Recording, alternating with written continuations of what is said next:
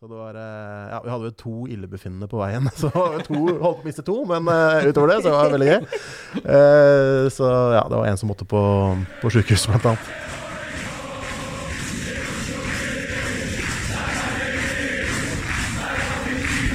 Du hører på Stang ut på overtid, en lydfanzine om Vålerenga fotball. Ok, hei. Da er det bare å ønske velkommen til en slags romjulsspesial. Episode nummer Hva sa du, Agnes? 35. Episode nummer 35. Det er ikke så halvgærent, det. Uh, hvor vi Jeg har fått samla et eh, supert panel for å jeg vet ikke helt, En støttegruppe, kan vi kalle det det? Nesten. Det er tre stykker som alle har det til felles at vi, dere var på øst etter nedrykket og sto litt i det og prata litt, og dere ja, hjalp i hvert fall meg til å liksom begynne å snu dette her. Jeg kjente på et litt sånn merkelig fellesskap nede i kjelleren der, med så perifere folk som jeg egentlig bare møter fordi jeg går på fotballkamp, eh, men som allikevel på et eller annet merkelig nivå fylte en veldig viktig rolle den eh, kvelden. Så eh, nå tror jeg jeg er klar for å begynne å prate om det. Jeg sier som eh, Per Skavenius sa på Twitter, denne gleder jeg meg til. Velkommen eh, Lars eh, Skau, Shanten og Agnes Villegrein. Kan dere presentere dere bare sånn kort? Dere har jo vært her før, to av dere, men Agnes, du har ikke vært her før? Nei, det var hyggelig å få lov å komme. Jeg har jo hørt, eh, Jeg hørt på mye få- stang ut. Har prøvd å få deg hit tidligere. Ja, det er sant. Ja. Um, Agnes heter jeg. Jeg var i klanstyret. Og har sesongkort på både dame- og herrelaget til Vålerenga. Så jeg har eh, telt at jeg har rundt 40 kamper i år, eller noe sånt. Så det begynner å bli en del. Ja, Er du sånn footballogy-person?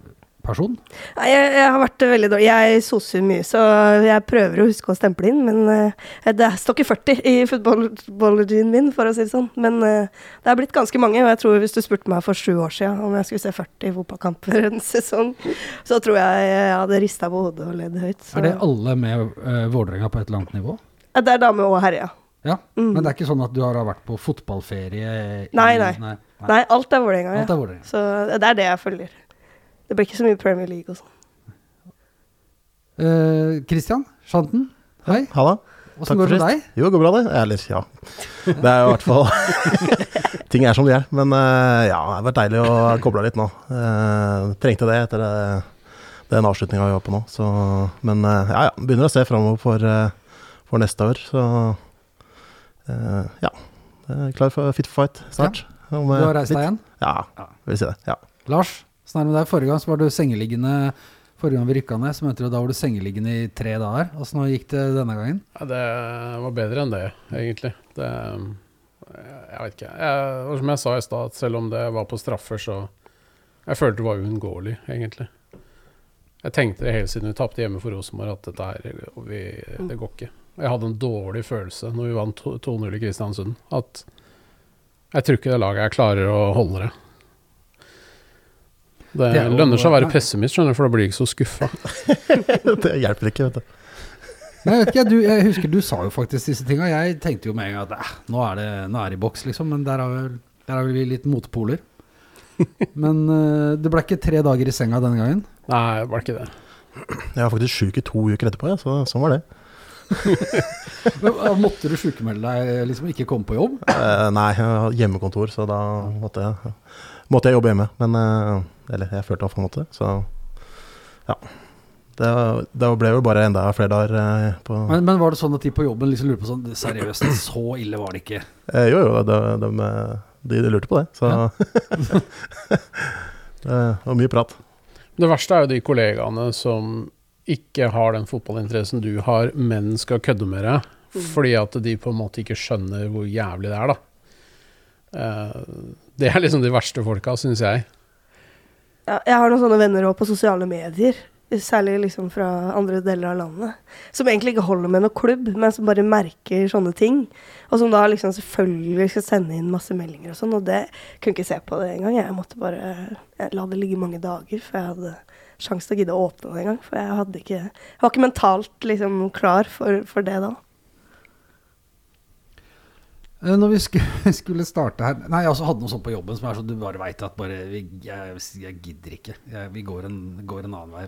Ta på meg headsetet. Du kan ikke liksom bare smile og si ha-ha, nei, det går sikkert fint. Eh, sånn dagen etter. Eller dagen etter hadde jeg hjemmekontor, det hadde jeg. Men, eh, men så var jo folk egentlig overraskende sånn omsorgsfulle. Jeg fikk sånn Fikk sånn lapp på PC-en min og sånn med sånn uh, 'Heia Vålerenga, dette går bra' og sånn fra en kollega som ikke veit hvem er engang. Da ble jeg nesten litt rørt. Jeg har- nå eh, ganske mye Stabæk-fans på jobben, så de eh, kom bort og skulle sånn dele sorgen med meg. Og litt sånn, jeg bare tenkte at dere, dere aner ikke hva jeg føler på.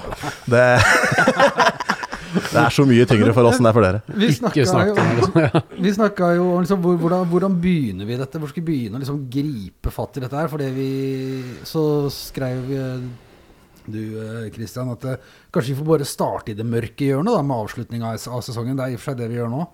Mm. Eh, de siste seks ukene var jo et rent helvete. Hvordan, hvordan opplevde du det de siste seks ukene? Hvor er det du begynner å telle fra da? Sånn Nei, Jeg tror det var vel Rosenborg hjemme, tenker jeg. Når vi tapte der. Så begynte vi å se at ok, nå har vi virkelig rota oss nedi her. Så nei, jeg følte jo liksom at eh, fra kamp til kamp, da, så var det litt sånn fra skanse til skanse. Der vil du Her må vi ha dette resultatet for å klare oss videre. Her må vi ha dette resultatet. Og så klarte vi akkurat å henge med hele veien gjennom eh, med, med Stabæk og Troms osv. Det er jo typisk det, at man da ryker helt til slutt, eh, når det alle egentlig har på en måte Ok, vi rundspilte Kristiansund, så da, vi, da tar vi dem eh, på hjemmebane. Og så går jo selvfølgelig ikke det, fordi det er på hjemmebane, og vi vinner ikke fotballkamper på hjemmebane. Sånn er det bare. Så Men åssen er det da å stå der? Fordi det var jo et, et ganske sånn bra drag på hjemmetribunen eh, hele den perioden der òg. Det, det var jo altså Blokka var jo full, i hvert fall. Jeg, jeg husker jo ikke liksom nøyaktig sånn, men altså nærmest full på tre-fire av de siste kampene. Og det, å da liksom stå der med den uh, oppgaven å få oss til å liksom uh, løfte dette laget framover eh, ja, det var vel, det var vel fullt de tre, tre siste, i hvert fall. Og nesten fullt Må du eh, liksom sitte det, hjemme og, og, og pumpe deg opp litt? Og, Ja, du kjenner vel kanskje litt på det, men eh, det er jo ikke noe sånn eh, Det å være capo på sånne, sånne kamper som betyr jævlig mye, det er jævlig vanskelig. Det gjelder liksom uh, rundbøt, det gjelder jo derby, og det gjelder bra. når folk liksom Ok, denne kampen betyr så mye at vi, vi klarer ikke å slippe oss helt løs og fri, frigjøre oss fra, fra det som skjer på banen. da. Og da ser du at eh, det er mye tyngre å få folk eh, med. da. Men eh, nei, jeg syns faktisk trøkket var sinnssykt bra, da. det skal sies. Mhm. Så, men ja, det er, man føler litt på den oppgaven. Det er litt krevende, akkurat særlig når det kommer til sånne, sånne avgjørende eh, kamper. da. Jeg syns synd på deg noen runder denne sesongen her. Jeg står på tribunen og ser rett på Christian. Og så er det, det, jo, det er det jo mange som gjør, da, eller alle for, i og for seg, men ganske rett på. Og så, eh, særlig på KBK-kampen, så husker jeg jeg bare kjente at jeg ble mer og mer sånn stille fordi jeg var så nervøs, eller jeg hadde så vondt inni meg. Så står du og liksom virkelig prøver, og jeg ser rett på deg og kjenner sånn Jeg vet faen ikke hva jeg skal si engang. Altså, Nei, altså har noe- slipper du inn, har ikke noe i eh, magen, liksom. slipper inn 0-2 der, så hvilken sang skal vi starte nå? Det blir lett. Og det er helt sjanseløst. Rotoni. Nei, det er tungt, ass. Det var skikkelig sånn nervøs, ubehagelig stemning der. Eh, og det er kanskje uunngåelig. Jeg tror alle da På 2-0 så skjønner alle at eh, nå går det til helvete, liksom. Dette går ikke. Egentlig på 1-0 òg. Ja. Nå rakner det, liksom. Og det gjorde det. Jeg Jeg, jeg hadde trua helt til jeg så hun skulle skyte siste straffe. For det, altså, Christian Borchgrevink, eh, jeg elsker, elsker deg, det har ikke noe med det å gjøre. Men alle Jeg har hørt det der jeg snakka om det før det der straffesparkets psykologi. Ikke sant? Eh, Han eh, professoren som har forska på dette, har også sett de som er vant til å være foran mål og sette ballen i kassa, til å skyte straffer når det virkelig gjelder. Det er liksom bare sånn Det bør stå øverst på arket, da. Han midtstopperen som er vant til den er forsvareren, som er en ansvarlig type og vant til å ta ansvar og sånn, han vil rekke hånda i været fordi han vil vise at han bryr seg. Men han er ikke den beste til å score. Det er forskjell på å klarere og score. Så da tenkte jeg bare Oi. Da, først da begynte jeg å tvile. Men um, Men er ikke det også litt sånn Det er noe nesten litt sånn poetisk over det, at det er han, da. ja, ja, ja. Som liksom er uh, mister Vålinga og eh, Det er bare Alt sto og var liksom til rette for total fadese. da. Ja, ja. Men faen for en mann har vist seg å være etter kampen, da. Det Ja. jo Det, var- det syns jeg var en eh, ordentlig sånn Når jeg fikk gått hjem og sett over dette her liksom på, på, på TV og sånn, eh, eller det som ble lagt ut på nettet, og den, de, de tingene han står og sier etterpå, og du ser hvor mye han føler. Han står der liksom og kjemper med tårene, men gir seg ikke før han liksom har fått sagt alt, da. Og det syns jeg det står en Det er jævlig respekt imponerende av en relativt ung person. da. Og Det er imponerende den følelsen han har for klubben, da. Eh, Og som jeg tror mange av oss har savna. Og jeg, jeg er skeptisk til å sammenligne damer- og herrelaget for mye. Men jeg syns det har vært veldig påfallende, eller helt sånn absurd, å se kontrastene mellom de to lagene i år. Og vi sto jo på den samme kampen som vi sto på trening og skulle liksom gire opp eh, herrene. Så vant damene hele dritten. Var det ikke sånn? Ja, samme dagen, ja. ja. Ja. Stemmer det. Ja, ja. Sånn at eh, vi sto der og jubla og holdt pokal og feira mer enn vi noen gang hadde gjort før. Det var en helt legendarisk aften. Og så eh, ja, følger du slutten av herrene og bare Og så var det Hamar dagen etter eller et eller ja, annet. ser det bare går rett til helvete, ikke sant. Det er altså så tungt. Og jeg syns bare det er en sånn tydelig forskjell som, som er liksom at de damene de spiller så utrolig for hverandre, da. Og jeg syns det var veldig interessant å høre når dere hadde Guro Pettersen her Ja. som snakka om hele sånn straffepsykologien. Det hadde jeg veldig i bakhodet når jeg så den straffen på, på den siste kampen mot KBK. Og da eh, Det var så åpenbar forskjell også i hvordan de sto, og hvordan de, de markerte det. Fordi det var liksom For hver, hvert mål så så de like, enda mer nervøse ut, liksom. Å, shit, jeg scora, går det nå? De så liksom redder og redder ut, og feiringene var veldig minimale. Jeg husker Guro sa det må feires som om det er et svært mål hver gang. Mens hele blokka sto jo nesten tyst. ikke sant? Det var dritredde for hva som kom til å skje. Så det var en veldig sånn Ja, det var en veldig absurd situasjon. Alt er jo i huet på dem, ikke sant. Det er jo sånn det har vært det hele år. Du ser jo det. Det er jo ikke dårlige spillere. Det er ikke en, en veldig dårlig stall heller. Det er bare du, du kommer inn i en sånn feil spor, og så kommer du aldri ut av det. Og så, det var en sånn negativ spiral, da. Um, og så har ikke Bakke heller klart å, å rydde opp i huet på dem. Altså det, er, det er 100% på en måte mentalt forårsaka nedrykk, da.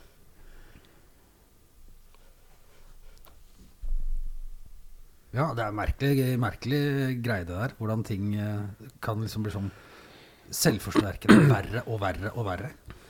Men eh, tross Altså, tross det som har skjedd, nå har vi rykka ned, jeg skal spille i Obos-ligaen, så er det jo, var det jo liksom, en av de mest entusiastiske dagene på sosiale medier noensinne, var jo når eh, når eh, denne terminlista for eh, 2024 ble sluppet. Alle var jo så jævlig fornøyde. Det var, det rant jo over med, med lykkelige Vålerenga-folk. Vi skal jo spille lørdagskamper, så det blir jo noe helt annet, det her. Det er nesten så vi kunne lagd den sjæl, da. Vi har fått nesten alt vi kunne ønske. Ja. Begynner hjemme mot Sogndal, det det? Sogndal. Og så skal se, Jeg regner med at eh, du har den liggende. Nei, vi begynner hjemme mot uh, Stabekk. Nei, Nei, det gjør vi ikke det. Sogndal. Det er Sogndal, ja. Ja. Ja, 1. april. Og avslutter uh, mot Sogndal. Åh, den avslutter mot Sogndal. er ikke så bra for, egentlig. Det er Kanskje greit hvis vi har Og så nummer to er da. Raufoss eh, borte. Der vet jeg at det, det var jo noe av det første som dukka opp. Som var når folk begynte å snakke om dette Raufoss-badet og sånn. Også med en sånn helt vanvittig entusiasme som jeg ikke helt skjønner hvor de klarte å hente det fra. DGA, ja. Hvor, hvor gøy er det på badeland? Men det er klart hvis vi klarer å gjøre de tinga der til små seire på den veien her, så, så kommer det til å bli jævla moro. For der er det, det den eh, Ja, den har fått en forkortelse allerede. Ja, ja, og det er klart at vi har sjekka åpningstidene på Raufossbadet, ja. Ja. For å sjekke om det er mulig å rekke å stikke innom før matchen. Så får vi se om dette blir realitet til slutt eller ikke. Men det hadde vært så legendarisk å bare fylt et helt badeland full av liksom rølpede Vålerenga-folk før den matchen der. Er det servering der? Altså, nei, det er jo ikke det. ikke sant? Så det er jo en del av problemet. Men eh, altså, vi har snakka så mye om den gule anakondaen av en vanskelige at det, det, ja, det er fortsatt en hype. Altså, så jeg kan ikke garantere at vi ikke drar på Raufossbadet, men eh, det har vært eh, Det ja. blir overskrifter, for å si det sånn. Ja, det, hadde vært så gøy! Ja, jeg hadde digga det. Ja. Og så er det Stabæk hjemme, og så er det, så er det rett og slett uh, Lyn borte. Det er jo en På Ullevål. Ja, så vidt jeg veit. Ja, det er vel stemmer nesten helt sikkert avgjort. Altså, de floppa, jo, de floppa jo med damene på det der, da. De skulle sette Vålerenga og Lyn på Ullevål eh, nå denne sesongen. Lyn klarte jo ikke å møte opp i det hele tatt. Det var uh, tomme setter, det. Ja. Så vi får se Det hvordan det blir. ut. Ja. Det er litt, for stor, litt for mange seter, eh, er redd for. Men eh, vi må bare kjøre, kjøre på altså, prøve. Sportslig er det fordel for oss, da. Å ha en bane som er noenlunde jevn, liksom. Vi så åssen det var med cupkampen der. Altså, vi klarte ikke å spille fotball på den banen. da. Så jeg tror det, det er gunstig for oss å spille på Ullevål. Får håpe det blir litt sånn stemning, da. Det er jo litt spennende. Det var jo et vilt derby i år. Ja, vi kommer sikkert tilbake til det. Men eh, det Ja, jeg husker jo de der eh, derbyene fra 05-06 osv., da vi hadde sånn begge svingene og lynet oppe på langsida og sånn. Det var jo helt eh, Det var helt sinnssykt eh, giv, da. Det var nærmere 20 000 på flere av de matchene der, så det var gøy å gjenskape det. Vi må, vi må jobbe for det, tenker jeg. Ja, jeg tror det kommer til å bli jævla gøy. Jeg tror det kommer til å komme masse folk. Det har jo blitt en litt sånn En litt sånn greie å gå på Altså når folk hører Ja, det er Derby og Lyn, Vålerenga og sånn. Altså det, det tror jeg kommer til å Jeg tror det kommer til å trekke masse folk. For litt den der Vålerenga-Lillestrøm-følelsen. Ja, det blir jo fort den største kampen i Norge neste år, da. Så Det hadde jo vært gøy. Ja, ja. Fy faen, det hadde vært så rått hvis vi gjorde det. Det hadde vært kjempemoro. Uh, men eh, vi, altså, så må vi jo skylde jo folk å si vi fikk helt fantastisk mye spørsmål før denne sendinga her. Det var så mye at vi må rett og slett Vi har ingen kjangs til å rekke over alle temaene.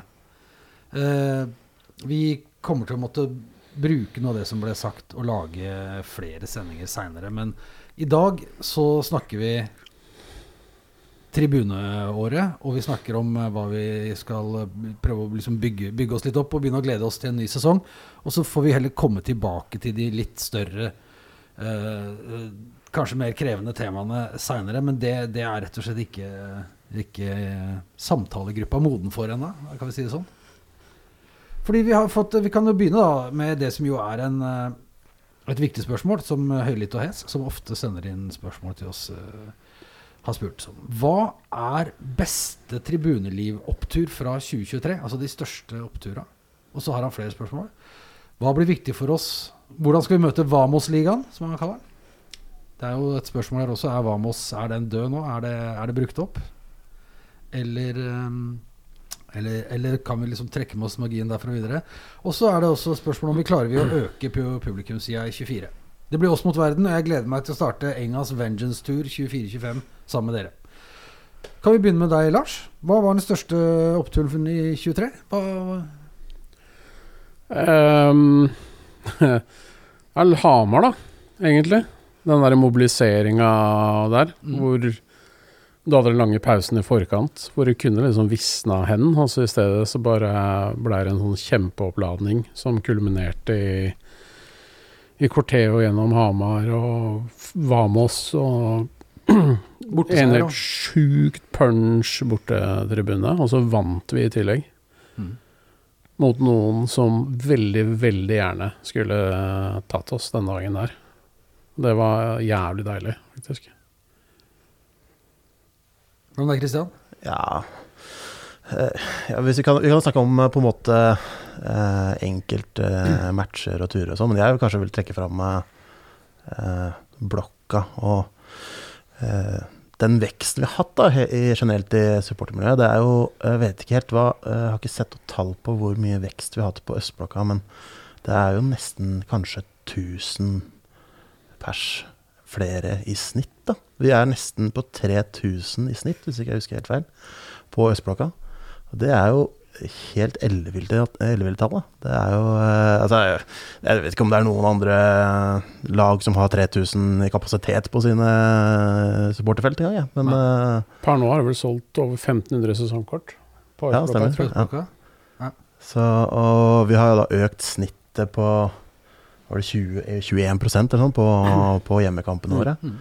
Og det er eh, Dere vinner to hjemmekamper. Vinner to hjemmekamper av 15.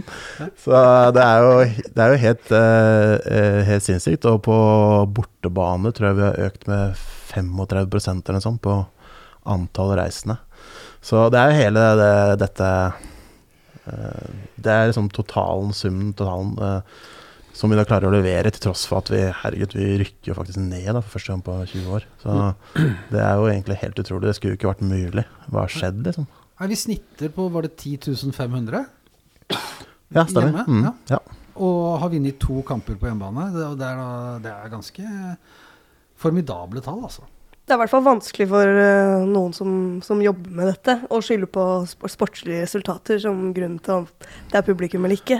Så jeg tror, eh, Vi, vi, jeg tror det er ingen tvil om at eh, sportslige resultater og publikum ikke nødvendigvis henger sammen, da. men, men vi har jo snakka om nå i en del år, eh, for vi har havna midt på tabellen år etter år etter år. Da. Så vi har liksom egentlig snakka om at ok, skal vi liksom få ordentlig dreisen på dette her nå, så må vi enten være i toppen eller i ha- Vi må ha noe å spille for på høsten. Så da valgte vi bånd, og så ja, så valgte vi bånn, så får vi. Så var jeg toppen neste år, den. Men, eh, men eh, det Ja, nei, jeg tror kanskje det har noe med saken å gjøre, at det er- holder det interessant hele veien ut. Det har jo vært et pliktløp til annen verden å, dra på alle disse her høstkampene. Når vi veit at vi handler eh, mellom sjette og tiendeplass. Det er jævlig imponerende med tanke på at det er mange som bare kunne tenke at åh, nå orker jeg ikke mer, liksom. Fordi det er så lenge siden det har gått bra òg, da.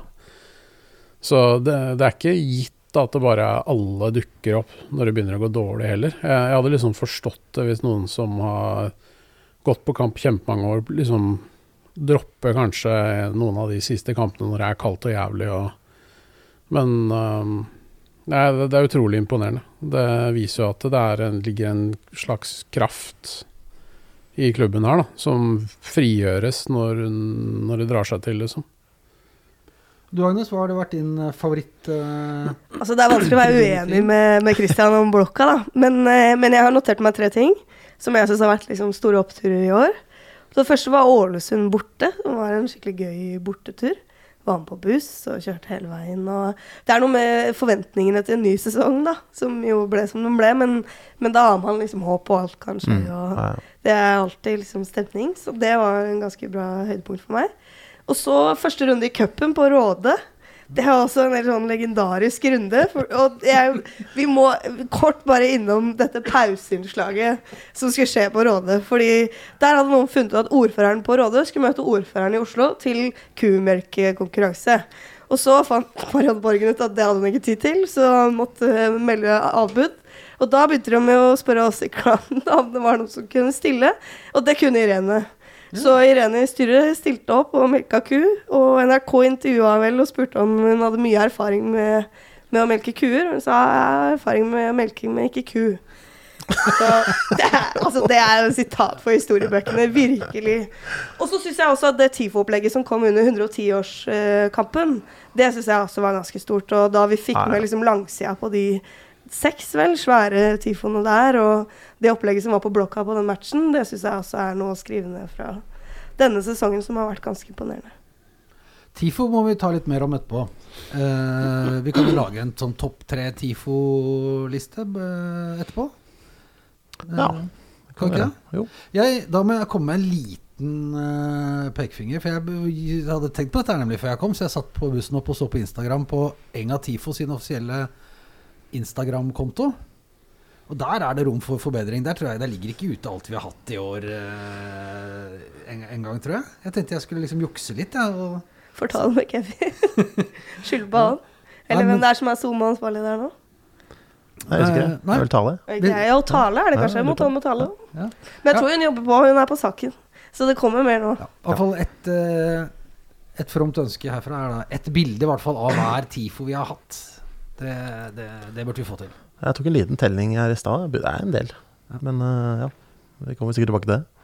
Ja, men Vi tar og lager en, eh, en liste etterpå, men uh, vi, vi hadde jo fått uh, Jo, vi hadde fått noen, noen flere spørsmål der. Dette var liksom topp Hva, hva var morsomst? Jeg, jeg tror også jeg kjenner den derre altså der generelle Hvor gøy det har blitt å gå på kamp fordi det har blitt en så fet sånn Det er så energisk, og det er så sånn kult å være på blokka. At det er min sånn, sånn Jeg blir så litt sånn generell. Eh, Det er ikke så mye høydepunkter ellers heller. Jeg kom meg ikke på noen særlig bortetur i år heller, selv om jeg hadde planer om det. det så jeg også tror jeg vil stemme på den, altså. Mm. Den generelle oppmøtet og entusiasmen. Um, Han spør jo også hva blir viktig når vi skal møte Altså når vi skal møte Vamos-ligaen, Obos-ligaen. Hva tenker du blir viktig, viktig da, når vi skal møte opp til, til våren? Så vi må jo bare ta den stemninga vi har hatt nå, og gjøre den 10 000 ganger mer, da. Jeg tror jo vi skal prøve å gjøre den ligaen her til en fest. Og hvis Vålerenga klarer å vinne kamper og ha sportslig suksess, så tror jeg det blir enda gøyere. Eller det blir lettere å ha det gøy, da, også i tillegg. Så jeg har veldig troa på at Obos kan bli noen lættis år, hvor vi bare reiser rundt på helt rare steder, og folk får møte Vålinga da. Vi må jo prøve å spille på det, det positive, da, det som er nytt osv. Kanskje det at vi kan vinne noen kamper osv. Men eh, eh, Brann f.eks. hadde jo den der kokende idioter og sant, bygger på et eller annet tema, sånn som vi egentlig gjorde nå også i eh, sesongavslutninga med Vamos Vamos. Så ja, eh, prøve å finne en take på det der eh, for å skape entusiasme da, og bygge videre på det vi har, eh, har bygd. Da. Men vi har et kjempesolid fundament, så jeg har jo kjempetro på det. Ja, men eh, jeg tror det løser seg. Så tror bare vi må ha rom for å liksom slippe kreativiteten løs og komme oss videre. Og så er det noen åpenbare ting vi må gjennom for å komme oss dit. Men, men jeg tror folk er veldig klare for å bidra inn i en ny sesong, ja. Jeg tror kanskje det er litt lettere å være kreativ òg, da. Når man, eh, nå har vi liksom Ja, ok, vi har to ganger Lyn, da. Da må vi jo være skjerpa osv. Men så har vi jo masse sånne intetsigende klubber. Sånn det, det, er jo ikke noe konkurranse uansett. Så det er jo Her kan man jo virkelig ta seg tid til å, å, eh, å lage noe kult. Da. Sånn som Et av problemene i år var jo at man hadde man hadde Brann, eh, Lillestrøm og Rosenborg på rad både i, på høst og vår, og da brenner jo alt kruttet på, Mm. på to uker, på en måte. Så ja, jeg tror eh, på en måte vi har rom for å skape eh, mer, da. Nå Eh. turer du ser, eh, gleder deg til mer enn andre. Har du begynt å tenke så langt? Eh, turer neste år? Ja. Eh, ja, det er jo en del baner jeg ikke har, da, som jeg selvfølgelig jeg må ha på banehopplista mi. Så det er jo på en måte pri én, eh, og det er vel Da fikk vi et spørsmål bare ah, Hvis jeg får stoppe deg der hvor, Ja. hvor, uh, hvor det var et spørsmål fra Fra uh, maestro nummer to om hvor sur du blir når alle andre får sjekka inn på Melløs. Ja, det er litt bittert, da. For Du har vært der. Eh, Jeg har vært der. Så forrige gang jeg spilte, jeg var i 2002 eller sånt, så det er ikke så mange som har den banen på banen oppe på lista. Så ja, jeg kjenner litt på det. det er, da tar man, knepper man inn på, på meg, da. da fordi det, jeg får jo ikke jeg en ekstra bane, så det er litt surt. Men nå fikk vi høre Agnes eh, sine stats for i år. Hva, hva ligger dere to på, gutter? Du, Eh, har du 32 av 38. I Obos-ligaen så tror jeg jeg mangler fire. Hvor mange kamper har du sett i år? Å ja. eh, Nei, Hvis ikke du husker, så er det så farlig. Nei. ja, med, Men I Obos-ligaen i år så mangler du fire. jeg mangler fire baner. Ja. To av de tror jeg allerede ikke får tatt, eh, for da er jeg bortreist andre steder. Dessverre. Så når vi spiller Levanger, så er jeg antagelig i California. Så jeg får bare leve med det. Au da. Jeg har, en, best, jeg har en bestemor på Jæren som sendte meg melding og sa jeg er veldig lei meg og sånn, men hvis dette kan bety mer besøk til meg, så er jeg veldig fornøyd med Hun håper jo på at jeg skal ta både Egersund og Bryne og Sandnes. eh, Da blir det mye overnatting. Egersund er faen meg bankers. Den skal jeg på. ass. Egersund? Om jeg må Bryne stå òg syns jeg virker litt fristende, egentlig, men eh, jeg har ikke Ja. Må jo på Raufoss, da. Det er jo helt åpenbart nå. Ja, den første bortetur, det den skal på. på. Den ryker jeg også på. Hva det du skal for noe spennende da, Lars? Ja, det er min bedre halvdel skal løpe halvmaraton under Berlin, så da er vi i Berlin. Så blir det ikke noe vanskelige. Nei. Det er sånt vi får ikke svært, sett Lars i vanskelige svært Det tror jeg du skal være jævlig glad for. utafor Berlin. Dere kan dra ned i sånn Tropicana-land eller noe sånt. Jo, det er noe sånt der. Det er det. Bilde. Men er det en tur neste år som du faktisk eh, Som du tenker at den skal jeg ha med? Det er flere. Altså, jeg har allerede booka fly til, eh, til Åsane på den onsdagen, og søkt fri fra har du gjort jobben. det nå? Det gjorde jeg dagen etter terminlista kom. Så den bør ikke flyttes, for å si det sånn. Ja. Uh, så jeg skal på Åsane, og så skal jeg til Egersund. Ja. Uh, og så jeg bare håper virkelig jeg får ned billett, uh, fordi bortefeltene er små. Eh, Ja, Moss blir en greie i år. blir også heftig. Ja, og der er det også Moss. Ja, det da, det var 200 eller noe sånt, det bortefeltet der. Og vi kan, hvis det er på en lørdag, så kan vi ta med 3000 dit, ikke sant? Og det er så krise for sånne som meg òg, som ikke planlegger. Jeg har jo endt opp med å reise bort på borttur uten billett og på ordne på bussen til og sånn, så dette, Ja. dette lover dårlig. I år så gjelder det å ha sesongkort eller Østblokka pluss. Eh, og så må man være oppdatert på når billetter slippes, for det Mm. blir borte med en gang. Så her er det bare å være på. Så er jeg redd at folk kommer til å kjøpe flere enn de trenger, og så kanskje de har en kompis som skal ha, så skal ikke de ha likevel, og så blir det masse sånn der eh, på Twitter at noen har billetter, og så, og så blir det sånn Folk må kanskje bare kjøpe de de trenger, da. Sånn at flere som er fast bestemt på å dra, får kjøpt. Ja, det er litt sånn, der, litt sånn uvant uh, situasjon å være i. Vi må begynne å lage noe kutyme på det greiene der. For det, det, det er en stund siden vi har hatt sånn uh, uh, ja, rift om billettene, da. For å Klart, vi hadde jo dette litt i år, da, men eh, det er jo fortsatt en ny ting, da. Så må det jobbes på for å få flere, flere plasser i Vålerenga på, på tribunene generelt. Kan det hende at det blir en sånn midlertidig stillastribuner og sånn på en del steder, da. Og det er jo også spennende. Vi har knela sånne før, vi. I Bærum blant annet. Ja, altså Den vi sto på på Rådet, den holdt ikke, den. Så mer sånne. Jeg står på de, jeg, og så går det som det går. Jeg er i hvert fall glad for at vi har jo SLO-er, og vi har på en måte litt mer sånn opplegg rundt det. da. Altså når vi rykka ned i 96, så var det jo Altså det var jo helseskadelig å være på bortekamp i 97. For da var det jo serieåpninga i Sarpsborg, så var det jo sånne gamle tretribuner som, som var råtne planker og sånn. Og der var det jo flere folk som brakk ankler fordi det datt ned planker som knakk og sånn. Så det er litt mer ryddig nå om dagen.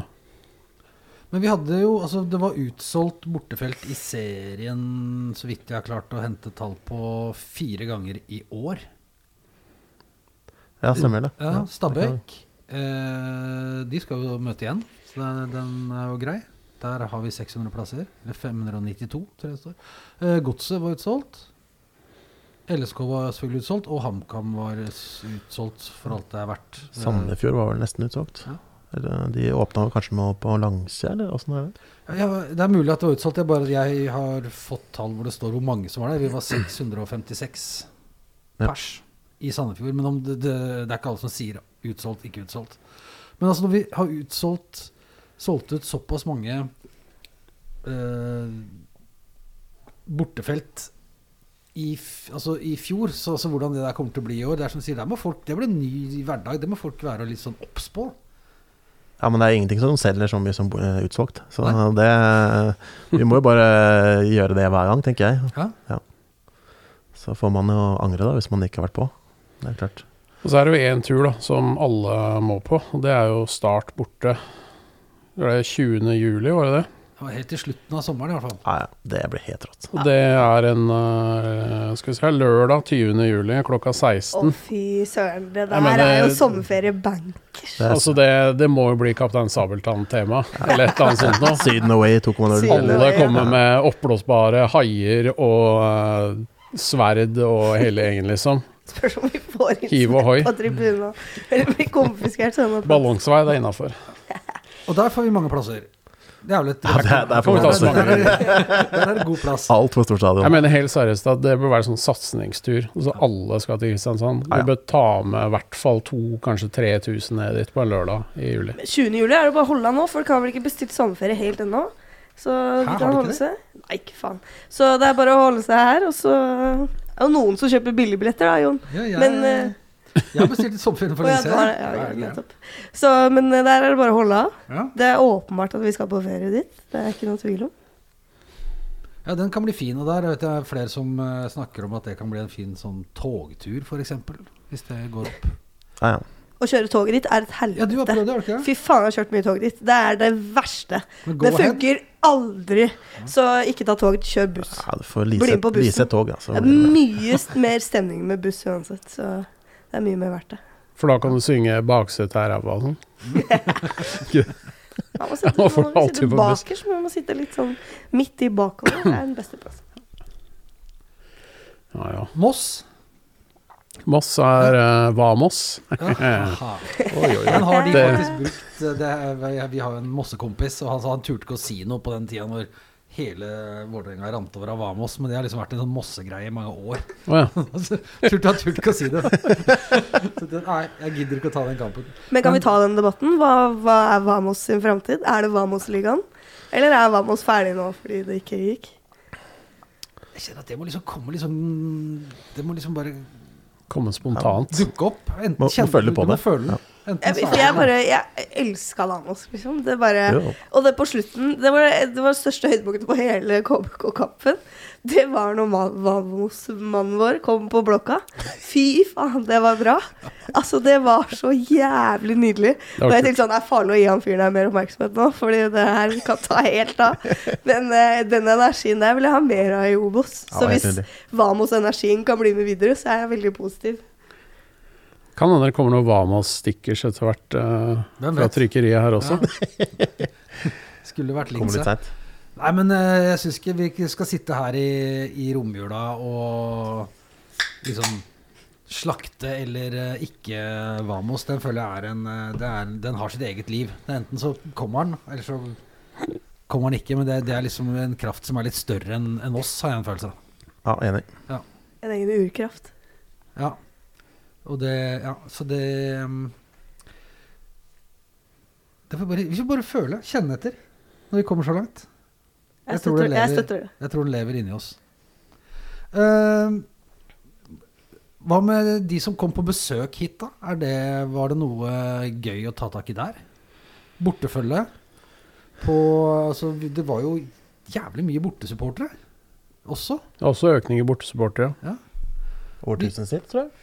Vi har sju-åtte ganger så var det over 1500 pers på bortefeltet. Det er jo Mm. veldig bra. Uh, noen som imponerte, imponerte deg? Uh, Ja, Tromsø. Tromsø? Ja. Ja, Mm. det merka jeg meg, og den tifoen de hadde, syns jeg var veldig imponerende, faktisk. Så der syns jeg de hadde gjort ganske mye bra arbeid. Så, og de forventer du ikke så mye av. Det kan det er mye Tromsø-folk som bor i Oslo, så, men uh, for mange er det jo et stykke å reise. Så det, men det, er klart det var en kamp som betydde mye for dem, så det skjønner jeg jo, men, eh, og mye for oss. Men det var eh, det, De syns jeg leverte. Enig. Jeg syns altså, det var ganske kult. Og, og så alle blir jo dritsure når de sier at alle dere bor i Oslo uansett. Men det er jo en del Altså det er mange som bor her, men det har vært en økning i folk som faktisk reiser òg. Det, det, det må vi nesten gå ut fra. Ja, jeg merker jo det på at det er litt mer trøkk på bortetribunen, egentlig, da. Så det er litt mer eh, det er, jo, eh, det er jo de hjemmesupporterne kan man si, eh, som har den sterkeste kulturen, som regel. Så det jo flere som reiser, jo bedre trøkk klarer man som regel å lage, da. Så syns jeg Rosenborg var ganske altså det var, De hadde jo en det, altså det var en jævla kamp, men de hadde jo en, en TIFO. De kunne jo knapt treffe bedre med den TIFOen. Fikk du med deg den der du sto med ryggen til? Ja, jeg, jeg så den. Det var, det var knallbra. Det, Den var den, eh, den var faktisk det. Altså. Jeg skulle Så- nevne den, jeg òg. Den, den treffer oss eh, så det gjør vondt. Men eh, de har jo helt rett. så det er liksom ikke noe Det er ikke noe å krangle på der, Nei, de ga oss en fin opplevelse på vår bortekamp på Lerkendal. så vi, får, vi får si at den er, den er grei. Hva var det det sto på den tifoen igjen? Det var, Det eh, var sånn pilleeske. ja, med en sånn, sånn Vi var resepten for eh, For eh, motgang eller et eller annet. Ja. Var, Hvis du har en bra. dårlig periode, så er det ingenting som liksom Der, der er Vålerenga borte, så er det tre poeng. ja, Ja, da, er du, da er du oppe, opp igjen. Og de var jo Det var jo eh, 2000 borte altså, Eller 1950 billetter solgt på bortetribunen, og det er ganske solid, altså. Ja, jeg syns de var veldig bra. Sånn eh, De er eh, eh, Det er bra deltakelse på en måte, det, og de har vært bra har jeg sett rundt på bortefeltet i hele, hele landet i år, egentlig. Så de har levert det. Og de også er jo kava langt ned i så Til Rosenborg å være, så har de Ja. hatt en ganske dårlig sesong, de òg. Men også Deilig er økt det. eh, Jo, jo. Men også har de økt antallet antall reisende. Så, men de er jo altså, Ja, vi, vi liker jo alltid å si at det er veldig mye folk eh, som kommer fra Østlandet og eh, drar på bortefeltet her. Når Rosenborg kommer også, men eh, sånn sammenligna med Brann f.eks., så var de sinnssykt mye bedre. Eh, selv om Brann var vel flere, så nei, Brann var ikke flere. de var ca. samme. Det var De var i serien, så var de 1720. Og i cupen så var de 1600 og Ja. et eller annet. Så, De så det, var, var, ja. det var Men det, flere- det syns jeg egentlig treffer på følelsen òg. For jeg er enig i at Brann husker jeg ikke mye av. Men den Rosenborg-tifoen husker jeg jo godt. Jeg syns ikke det er noe, noe bra. Så når de kommer på borte altså De er helt sinnssykt bra til å trekke folk, men eh, Og jeg er misunnelig på det, egentlig. Altså, de reiser jo land og strand rundt med helt voldsomt mye, mye folk, men eh, vi, eh, vi knuser dem på stemning Men de har jo en egen avdeling i Oslo. vi kan jo ta en sånn oppsummering av hvem som skuffa på bortefeltet Ja. også. Da. Hvis vi, må si hvis vi- HamKam syns jeg var bra. Hvis vi, hvis vi gjør oss ferdig med hvem som imponerte først, så har vi snakka om Rosenborg. Vi har snakka om uh, TIL. Hæ? Bare- vi kan, vi kan ta en topp tre, da? Eller er det Hva med HamKam? De var jo, altså, det var 16. mai. Det var 16. mai. Men eh, de To- brant jo opp noen greier, noen kabler og sånn. Det var ikke så bra, da. Men eh, de var bra. Det er ganske fint, det òg, altså. Det var bra. Jeg syns de var helt jævlig dårlige. dårlige. Syns du det? Ja, det var, eh, de, drev, de klarte å surre det til og kasta noe bluss på banen, og så Ja, ble det internbråk, og så ble det ikke noe mer. Det var helt eh, Det var så tamt. Ja, det var, jeg, jeg, har de på min bånd topp tre av det, det som jeg forventer, egentlig. Fordi de var, de var over 2000 her, så Ja, det var skikkelig dårlig, syns jeg. Men Og så for å ta eh, de som var flest, da, så var det selvfølgelig Lillestrøm var flest. Da var det 3450. Og så var det HamKam med 2009, Bodø-Glimt med 2004. Så Rosenborg med 1950, så Bodø-Glimt i cupen med 1800 og noe. Og så var det Brann, Stabæk, Viking Hva med Viking, da? helt greit, eller? Jeg har ikke lyst til å gi dem noe, fordi jeg syns de supporterne provoserer meg så mye. Provoserer Viking, da? Ja, litt. Ja. Hvordan, hvordan klarer de det? De er blitt så cocky. Hæ? Ja, det, Ja, det er sant. Jeg orker ikke det. Folk får ha, eller folk får ikke ha noe Jeg skjønner at folk ikke skal være ydmyke, men det, Jeg bare hater det svinete laget deres. Ja. Men Du hater Viking um, på et nivå jeg ikke har hørt noen hate Viking. Ja, men det er egentlig bare sportslig. For det, det er, eh, de er så jævlig stygge, sånn Trippic og disse gutta her. Eller er det det at de har det vi mangler ute på banen, sånn at noen som går foran og Altså Kunne gjerne hatt noe rasshøl, vi òg, da. Men Det er fordi vi har det mest naive, snille laget noensinne, liksom. Sånn har det vært i mange år. Vi har jo ikke hatt slemme spillere på Her ti år. Oslo øst, liksom. Ja. Ja, vi har noen slemme spillere. Mm. Jeg håper han Peter kunne være litt sånn, men uh, han viste seg kanskje å være litt uh, Har litt vanskeligheter med å treffe ball og mann og sånn. Så, Men uh, et, eh, et lag som jeg hører om jeg får noe gehør for, det var med Sandefjord, da når de kom. De var, ikke, de var ikke mange. har de supportere. Ja, De var ikke mange, det var veldig veldig få supportere i og for seg. De solgte flere av de aktive på det bortefeltet var jo Lillestrøm-fans òg. Til Sandefjord. Kødder du? Var det? Kødder du? Det er ikke kødd. Det var jo, var jo ute på sosiale medier og sånn. Det var jo lille, han ene fyren på Twitter som er veldig sånn Sandefjord-ultra. Liksom skrøt at han hadde backing fra Lillestrøm-fans og Lillestrøm Det er jo så pinlig! Jo, men det er jo flere Jeg tror det har vært flere ganger i år det har vært Lillestrøm-fans på bortefeltet her. Uh, Men uh, har de ikke egen kamp, eller er det litt liksom når de ikke spiller, eller? Vi er jo Altså, dem går jo en trist, et trist år i møte da, hvis de ikke får oss i cupen. Hva skal de gjøre da? Bare gå og vente et helt år, da? Til vi er Det er jo hele kanskje. eksistensen deres. Det er Gå og vente på at uh, Rosenborg skal gå Corteo opp Storgata der. De går jo på Lørenskog-kamper i ishockey, liksom, fordi de spiller mot oss. Ok, nei, men da, da trekker jeg tilbake det med Sandefjord, jeg, Lars. Da, Nei, for all del! det var in interessant informasjon, men uh... Jeg husker ikke Altså, jeg vet ikke hvor det. mange det var. Det, ja, det kanskje bare er et fåtall personer, men jeg vet for ja. noen av de som sang der, de var liksom Ja, nei, for jeg syns det var et eller annet Det virka som de hadde samla en liten gjeng, da, hvor, det var, hvor jeg fra før aldri har egentlig opplevd noe særlig. Og de hadde fått en, altså starta en eller annen Men de har et voksende lite miljø der, det har de. Ja. De fyrer vel mye bluss og sånn, men eh, det er liksom ikke noe Det er Det den enkle utveien. Det er jævlig enkelt. Det er det veldig mange som har behov for når de kommer hit. da Ja da, jeg skjønner jo liksom det. vi- Vise uh, Vålerenga at vi, vi kan også fyre. Eh, Ja. Men da skal vi, vi har ikke kommet til land med noe topp altså, har, har vi nå Har vi Rosenborg øverst? På bortesupportere? Det er vanskelig å komme utenom eh, da. Ja. Det var jo 3200 her. Det er jo Bortsett fra at de fucka opp tifoen sin, da. Det var jo ikke mulig å se hva som sto der. Ja, den tifon, eh, den åpningstifonen så var jo Ja, det var jo Men er ikke Det var eh, Er ikke det liksom en del av tifoen til Fugla? At de skal liksom Og Det var, eh, det det var et forsøk på et eller annet, men, eh, og det er jo, jo greit. De, de skal få forsøket. Men jeg, jeg syns jo den tifoen de hadde dessverre etter kamp, da de etter å skåra på overtid 4-3 Ja. med et sånt sinnssykt mål, så dro de opp en sånn eh, fuck you til oss uh, på slutten der. Svær O. Den var faktisk jævlig bra. Kjelleren. Altså. Så dessverre. Hør hvor lett du sitter og snakker om dette her nå. Vi er på vei opp nå. Ja, ja, men det er noe med de der eh, Jeg syns også sånn som den der eh, bakkerotta der oppe og sånn, det er sånn De er så jævlig sinte.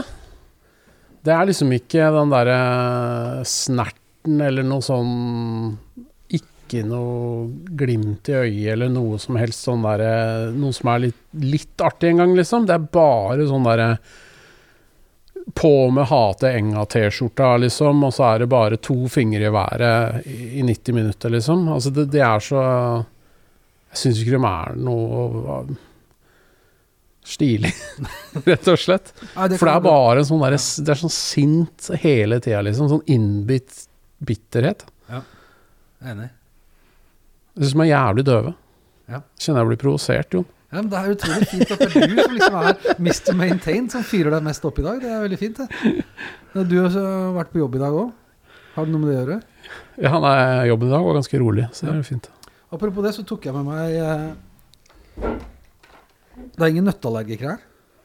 Nei, nei. nei. er bare resten av eh, Jeg har hatt så mye sånn julegodteri jeg har fått på jobben, så at jeg kunne sende rundt denne lille Litt trøstesjokolade. Ja, ja. Men, eh, nei, men kanskje vi ikke klarer å lage noe liste, da? Fule, Rosenborg og Tromsø? Ja, jeg syns vi, vel vi kan ikke bruke for lang tid på dette her heller. Nei, jeg syns Stabæk eh, skal ha en finger med i spillet. De har, eh, ja. var veldig bra. De Ja. har var vel beste bortfølgeren siden 2008 eller noe sånt. Så de, og de var absolutt bra her, altså. Det syns jeg. Ja, enig. Og de kjedeligste, eller de som skuffa mest, kanskje. Brann, Bodø-Glimt, Strømsgodset. Strømsgodset er Strømsgodset er faen meg dårlig, altså. Ja. De har, så kort, det? de har så kort vei, og Ja. det burde liksom være Altså, jeg, jeg skjønner ikke de var, jo, de var jo få når vi spilte der nede òg. Vi var jo tre ganger så mange som de var.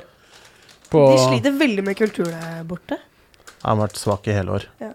De hadde én kul greie. Det var den der, eh, helt i starten, den der bortekampen på Åråsen. Da de kom i sånne eh, Ja, vern- smittevern. Ja, sånn smittevernstrakter. Og, ja, det var jævlig kult. Men uh, utover det så har de ikke har de ikke levert i år, altså. Det har vært ganske tamt. Og jævlig få folk. Og de har liksom ikke fått den der oppsvingen som det ser ut som at resten av supporter-Norge egentlig har fått. Da. veldig rart. Ja. Ja. Det er veldig rart. Jeg Vet ikke om det er generasjonsskifte det er, eller et eller annet. Det er i hvert fall, De klarer ikke helt å dra med seg folk, i hvert fall. Men så er det jo Bodø har eh, ganske for så vidt imponerende antall, da. Men det er jo stort sett bare folk i allværsjakker som sitter og klapper, liksom. Ja, for jeg, jeg, jeg syns det er litt sånn billig at man alltid skal ta Bodø-Glimt for at de har så ræva kultur og sånn. Så jeg var litt sånn Ok, de kommer jo Det er mange folk da som møter opp, og de, de reiser folk Liksom I løpet av to uker så var det jo Ja, de var uh, mye folk her. Men jeg blei overraska, eller skuffa jeg også, hvor sjukt stille det er, og hvor liksom ræva det var på tribunen. Så de også skuffer. Jeg har ikke så mye følelser til de, jeg. jeg altså, jeg bare, de er ikke så spesielt imponerende. De er ikke så, jeg har ikke så høye forventninger heller, på en måte. Så det blir litt sånn Ja, det var det jeg regna med at de skulle stille med. Ja, jeg tenkte de kanskje hadde De har jo hatt noen ganske fete runder i Europa. At de liksom har plukka opp noe på disse turene. Jo, men de får jo ikke lov å utfolde seg i det hele tatt der oppe, da. For da blir det jo bannlyst med en gang. De, har strenge- de har jo folk som hjemme, altså. Kaste ut alle kjernesportene Jo, men det er jo helt psycho. Og så er det jo De spiller jo med ganske eh, ufine midler og sånn òg. Så de påstår at de følger sanksjonsreglementet til Vålinga, og så gjør de ikke det. Og så gjemmer de seg bak det, og de sender rekommanderte brev hjem til folk med beskjed om utestengelse. Eh, uten noe dialog på forhånd. Og det er jo Altså Ja, ja, det er et skrekkeksempel på hvordan de ikke gjør det, egentlig. det er Er vi veldig ferdig med de andre laga da? Ja, må bare si litt om Brann. Jeg syns. Brann er også sånn derre Altså Brann-Twitter er noe av det jævligste i hele verden. Det er verre enn sykkel-Twitter. Jo, men altså Jeg er. Sykkel-Twitter er Det er som Brann-Twitter er verre enn sykkel-Twitter. Er Brann-Twitter verre enn Bodø-Glimt-Twitter? Ja. Det vil jeg si. For at det er det der jævla sjølskrytet hele tida. Og hvor jævlig store og kule det er og sånn. Og så, men det er jævlig mange som hvorfor reiser, da. hater Vålerenga? Hm? Det er på grunn av akkurat det du sier nå. Ja, men Ja, Og så men- ja, ser ja. jeg, det, altså De er jævlig flinke til å reise, for de har jo sykt lang vei overalt hvor de skal og sånn. Men så kommer de mange her, men de står jo egentlig bare og roper 'heia Brann', og så sitter halvparten ned, liksom. Det er jo ikke så jævlig Jeg, syns det er veldig snodig, da. At de er så reisepunsje, men når de først kommer dit de skal, så, så, så skjer det ikke noe særlig mer, liksom. De har vel eh, tre grupper, tror jeg, i Oslo. Ja, altså, er jeg sånn kjenner jo ja. Jeg kjenner en del av de, de spora folka. Og den er naboen min. Og det, det de gjør, Det er er jo fett, liksom. Men det er jo hele supporterkulturen i Brann som er eh, Det er ikke Nei, mye å skryte av. De er jo ikke samstemte for fem flate øre. Så det, det, er, eh, det er bare det er, eh, de, er, de klarer ikke å organisere seg på verken borte eller hjemme eller noen ting som helst. Og så, så skal de i hvert fall ikke bruke tromme, for det, det, det hadde ikke løst noen ting. Det er også litt synd, fordi en gang i tida hadde vi en jævlig bra Vi pleide å ha et jævlig bra forhold til de. Ja, ja. Det var jo sånn på 90-tallet sånn, når vi reiste til Bergen, så var vi jo på den der fotballpuben, og så gikk det egentlig veldig bra. En Eh, stund. Ja, helt til de fikk det der eh, slåssmiljøet som skulle begynne å oppsøke fotballpuben og jage oss eh, og sånt noe. Og så blei det en sånn greie at eh, Oslo-folk ikke var velkomne i Bergen og sånn. At alle andre bare tok etter, liksom. Uh, og da, mm, etter det, så har det ikke vært noe særlig trivelig. Få se åssen det blir i, I Åsane. i Åsane. Jeg skal love deg at det kommer en del Brann-fans der også. Og, uh, sikkert uh, utafor og innafor. Helt sikkert. Men, ja, nei, men jeg støtter deg. Jeg er skuffa over dem. Jeg synes de er eh, som du sier, De er mange. De har en kultur for å gå på kamp, men eh, da, altså Når de har den heia brann, heia brann, så blir det mye lyd. Men ellers er det lite synging, lite samkjøring, lite De hadde en fin TIFO med den uh, trikken som går over brygga. Den var ganske fin. Det ja, var i, det var i fjor. det var i fjor. Så da kan du se. Ikke Apropos Åsane, det glemte jeg å si i stad om bortetur og sånn, men eh, Vålerenga-Bergen har jo lovet storstilt skalas for alle som kommer på skal se Åsane borte. Ah, nydelig. Så, så der er det bare å stille i hopetall, så tror jeg det kan bli stor fest der. Og sikkert noen egenproduserte låter og, og greier. Så Herman har lovet fullt show for alle som stiller, i hvert fall. Det har også vært en jævlig morsom ting i år, da. At Det har vært en legendarisk ting i år. Jeg, jeg husker når jeg oppdaga den gjengen der og, så- snakka med dem til uh, stang ut på papir, liksom. Så jeg ante jo ikke hvem det var. Jeg bare syntes det var kult at det var et sånt Vålerenga-miljø der. Og så når hørte de der sangene han fyren driver og lager, jeg holdt på å le meg i hjel. Så faen, dette må du få ut på Spotify. Bare, Hæ, Hva, hvorfor det? Jo, kom igjen. Uh, og det er jo altså Det er jo det mest skamløse Sånn naive, sjarmerende, men helt fullstendig ute i sånn fotballmusikksammenheng Altså, noensinne. gi oss mer av det. Mer av de Ja, greiene der. Vi trenger å finne på all mulig kødd i Obos fremover. Så. Mer av sangen hans er fantastisk. Har han en Meran-sang? Den har jeg. Ja, sånn jeg ble oppmerksom eh, på det. Ja, ja, det er- er mye sanger der, ja. Men eh, det er jo kult at noen av de har festa seg som litt ordentlige supportersanger. Og Maestro nummer én har jo blitt en stor greie på, på damesida. Så da Olai Tvedten signerte ny kontrakt, så spilte jo klubben den låta i bakgrunnen. Så Vålerenga Bergen har gjort det stort på ganske kort, eh, kort tid. Men det er på høy tid at vi får noen grupper liksom, rundt i landet, vi òg, da. Det er, eh, det er veldig kult at du får en, eh, endelig en diaspora-gruppe i eh, Bergen. Nå skulle vi gjerne hatt en i Trondheim. Og bygge videre på det, da, for da kan man jo klare å bygge og, kultur rundt det og reise på kampene i sitt omegn, da. Og få flere på bortekampene. Vi hadde jo en utenlandsgruppe en gang. Vålerenga-Danmark. Eh, Var det mer enn en uh, Twitter-konto? det var mer enn en Twitter-konto. Det var uh, en liten gjeng. Det var på et par turer hit, men jeg tror det døde en ganske fort fordi det var litt sånne studenter som begynte å få etablert i livet og sånn, så, så døde det litt. Men jeg har hatt en uh, dansk Vålerenga-gruppering. Men det er jo litt saken med, den, eh, med mange av de som er sånn i Bergen og at de bor der og studerer, og så flytter de tilbake når de er ferdig. Men det er jævlig mange studenter, da, så du Ja, kan ja. egentlig bygge ganske lenge. Kan Nå har broderen akkurat flytta, så Herman prøver å rekruttere han inn. da. Han er ikke noe glad i fotball, men han kan Vålerenga kjerke, så det er håp for han òg. men også glad i fotball, det er ikke noe Nei, nei, jeg forutsetning for å ha det gøy på Det er det jeg har sagt til han òg. Du trenger bare være glad i å drikke øl, og så har du et hjerte for Vålerenga. Når det, det gjelder har- Vålerenga, så er det egentlig best hvis du ikke liker fotball. Det er nettopp det. Stabæk har jo fått til eh, det der på, borte i Bergen. Da kommer jo hele NHH og BI, og alle er på plass. Det er en av de mest imponerende bortefeltene jeg har sett i år i Eliteserien. Ja, det var Stabæk der borte, faktisk. Jeg tror ikke de skjønte noen ting, altså de eh, vanlige fansen der. Altså, helt uregjerlig gjeng, sannsynligvis. Halve NHH dukka opp og bare! Ja, selvfølgelig, de går der. ja. har er Penger nok og venner nok. Ja, ja, Ja, ja. Nei, nei, men det Selvfølgelig skal alle fra Stabæk dit. Men jo, men det, det var Det må vi kunne sette på lista vår for uh, morsomme ting som skjedde i, som skjedde i år, da. Han, eh, altså, musikken fra Bergen Mm. og en egen gruppe der, det var eh, fantastisk. Det har skjedd mer bra. Vi snakka litt om liksom, kulturen som vokser, men vi har også hatt noe som gleder meg veldig, selvfølgelig. En oppblomstring av fanzinekulturen. Ja, ja, absolutt. Ja. Jeg har talt fire Vålerenga-fanziner, hvis jeg teller litt raust. Ja, Da tenker du både fanziner og kampdagsfanziner, eller? Ja, ja, Ja. Men det er jo altså Kampdagsfanzine er fanzine, det. Ja, jeg er enig. Ja, Ja, absolutt. Definitivt. Så da har vi eh, Flagg og skjerf, som er for damelaget, Ja. Mm. som har kommet med jeg har Tre, tror jeg. eller fire. Tror vi har laga tre utgaver. Ja. i løpet av en sesong. Hvor en av dem var litt som introduksjon til supporterkultur. Og så to Ja, vi går, vi går mer og mer over i fanzinestilen nå. Ja. Men i starten så prøvde vi litt også å se hvor mye vi kunne inkludere de som er der ellers, da. Så det, vi, bygger jo, vi bygger jo kultur der òg, men det, det fortjener en egen episode. Jeg er enig. Det har skjedd mye der, altså. Veldig. Ja, nei, men, ja, så det er én fanzine.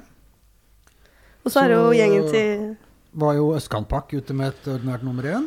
Ja, Så ikke ordinært i den måte, forstand at det var liksom midt på treet, men at det var et vanlig utgave av fanzine. Ja, det var vanlig, veldig bra. vanlig utgave av Østkantpakk var vel nummer sju i rekka. og, eh, Seks år etter eh, nummer seks. Så det var et litt eh, skrivesperre der, eh, pluss at det var noe pandemi som eh, torpederte en utgave i forbindelse med tiårsjubileet til Ikaros og sånn, da. Men eh, utover det, så ja, vi leverte jo en eh, bra blekke, syns jeg. Og Veldig. den var ganske god og tjukk òg, 70-80 sider, tror jeg. og mye tekst. ja. Så godt for det med det. Det blir flere eh, av den til neste år. Det gjør det. Satser på rundt eh, sesongstart, så får vi se hva vi får til. Men den solgte veldig bra òg, Ja, den eh, det? Vi hadde et eh, førsteopplag på 300, ble solgt på første kampen. Så Da husker jeg jeg kjente meg litt sånn kødder du, eller? Jeg selger 300 av, av én, liksom, og da bruker jeg noen, noen kanskje noen måneder. ja, Men- men vi hadde 25 som solgte, da. Så Du slapp ikke unna, for å si det sånn. Du fikk spørsmål fem ganger. Ja, må ha, må Ja, ha. ja, Ja, ja. men nå har jeg kjøpt. Så det, det, det hjelper å ha mange som selger. Absolutt. Så Nei, jeg er bare glad for det, er du gæren. Også Kampdagsfanziner, som dere starta med. Det er også samme miljøet. Så det er Ikaros, ja, det også, det, samme ja, det er ikke Ikaros, det, altså. Det er uh, kampdagspakk, kaller vi den da. Ja. Så det er en, eh, en eh, veldig enkel uh, variant av uh, Østkamppakk som vi kommer ut med uh, til Vi prøver på hver hjemmekamp. Der vi sier noe om motsetning til andre kamp... Altså mer tradisjonelle kamp... eh, Hva heter det for noe? Eh, Program. Kampprogram, ja. Så, eh, så snakker vi ikke så veldig mye om fotballaget vi møter, men om supporterne vi møter. Så vi har en liten analyse av de. Eh, så snakker vi litt om forrige hjemmekamp og forrige bortekamp. da. Så de to kampene som har vært siden sist utgave, egentlig. Pluss andre temaer da, som måtte komme, og fremtidige kamper osv. Ja, så når vi snakker om det, så har jo faktisk Det har jo blitt lagd en hockeyfanzine òg. Kommet med to utgaver. Ja da. Den er veldig sportsorientert, da. Ja. Så det er ikke så mye jo, det minner litt mer om sånn kampprogram-type. ja. ja, Men allikevel, det er supportere som lager det, og det er jo Ja, altså, det er kult. det bobler rundt omkring i Det så ganske proft ut, egentlig. Ja. ja, Sånn som et magasin. Hockeymagasin. Mhm. Så ja. Men eh, nei, den eh, kampdagspakke skal, tenker vi også å fortsette med, da. Så det, det blir fire til åtte sider til eh, hver kamp, er eh, målsetningen. Så må vi bare finne ut av hvordan vi løser det eh, rent økonomisk. Da. Nå har vi jo betalt eh, på enkelte kamper 6000 kroner for 2000 utgaver, ikke sant. Så da blir det jo Det blir jo blir et eh, budsjett etter hvert, og når det er gratis og deles ut på blokka, så må vi prøve å finne på noe lurt. Men eh, ja. Hvis noen har en eh, laserprinter eller noe sånt som vi kan eh, få, så er vi Send eh, DM. Ja, er, utfordringa er der. Det, Burde ikke en sånn ordentlig ultrasgruppe ha et litt sånn trykkeri stående oppi et eh, Ja, bør jo det. Bør det. Ja, ja, ja. Bryggeri, trykkeri noe. ja, ja. Helst. Merch-butikk har man jo fått. Ja, det er blitt mange merch-butikker, Ja, gud, der har det også skjedd mye, Altså. Ja, Ultrasjappa har jo holdt på noen år, da, men uh, nå har jo kommet uh, to til. Vokst virkelig, det miljøet der. Altså. Så det er både Østkantsjappa og, eh, og eh, Kokos. Kokos. Mm. Som for øvrig også et eh, kjempebra bidrag inn eh, på tribunekulturen også. I år. Så ny gruppe, og de står virkelig på. Så de bidrar jo til veksten i hele miljøet, egentlig. Ja, det var ganske gøy. Det nevnte jeg vel når jeg hadde de, eh, noen fra Kokos her. Men det, en dag når jeg kom Jeg pleier også å selge stickers og fanziner på kampdag. Når det plutselig liksom står I tillegg til sjappa, som jo har begynt å stå ute, de også. Veldig bra sjappa. Eh, Ja, sant. Ja, Mm. så sto det liksom Først så var det, eh, det østkantsjappa, så var det en sånn høker som jeg ikke helt veit hvem var, som sto og solgte noen stickers. Og så var det Kokos med sine skjerf, T-skjorter, stickers, og så sjappa, og så ultrasjappa innafor gjerdet. Da tenkte jeg at dette her begynner å bli Dette begynner å bli svært. Det er jo jævlig moro. Det er dritkult. Ja. Men det er klart, eh, folk ønsker merch, da. Så, eh, og de ønsker å identifisere seg med miljøet og østblokka osv. Så, videre, så det er veldig viktig, tror jeg. da, Og at folk eh, kan kjøpe seg det som er, de syns er kult, og kan gå i det. da. Og det skal vi også ha neste år, selvfølgelig. Det Ja, ja. forsvinner jo ikke. Ja, ja, selvfølgelig. Nei, og det jobbes også med sjappa for å, å få til flere fete ting. Ja, kult. Jeg syns det har kommet litt uh, kult der i siste. Så Begynte jo med de dametrøyene som ble laga til ja, Til cupfinalen. Mm. Så det er i gang med å skje ting der, og mer rom for å, for å ta inch der. Så, så det kommer man til å høre mer om neste år, tror jeg. Og alle får jo en uh, muligheten i hvert fall til å få en eh, slags sånn gavesjekk når du kjøper sesongkort i sjappa. Så kan du jo gå og teste ut utvalget. Og da blir det julekuler, eller? Eh, ja, vi får se. Hva er det?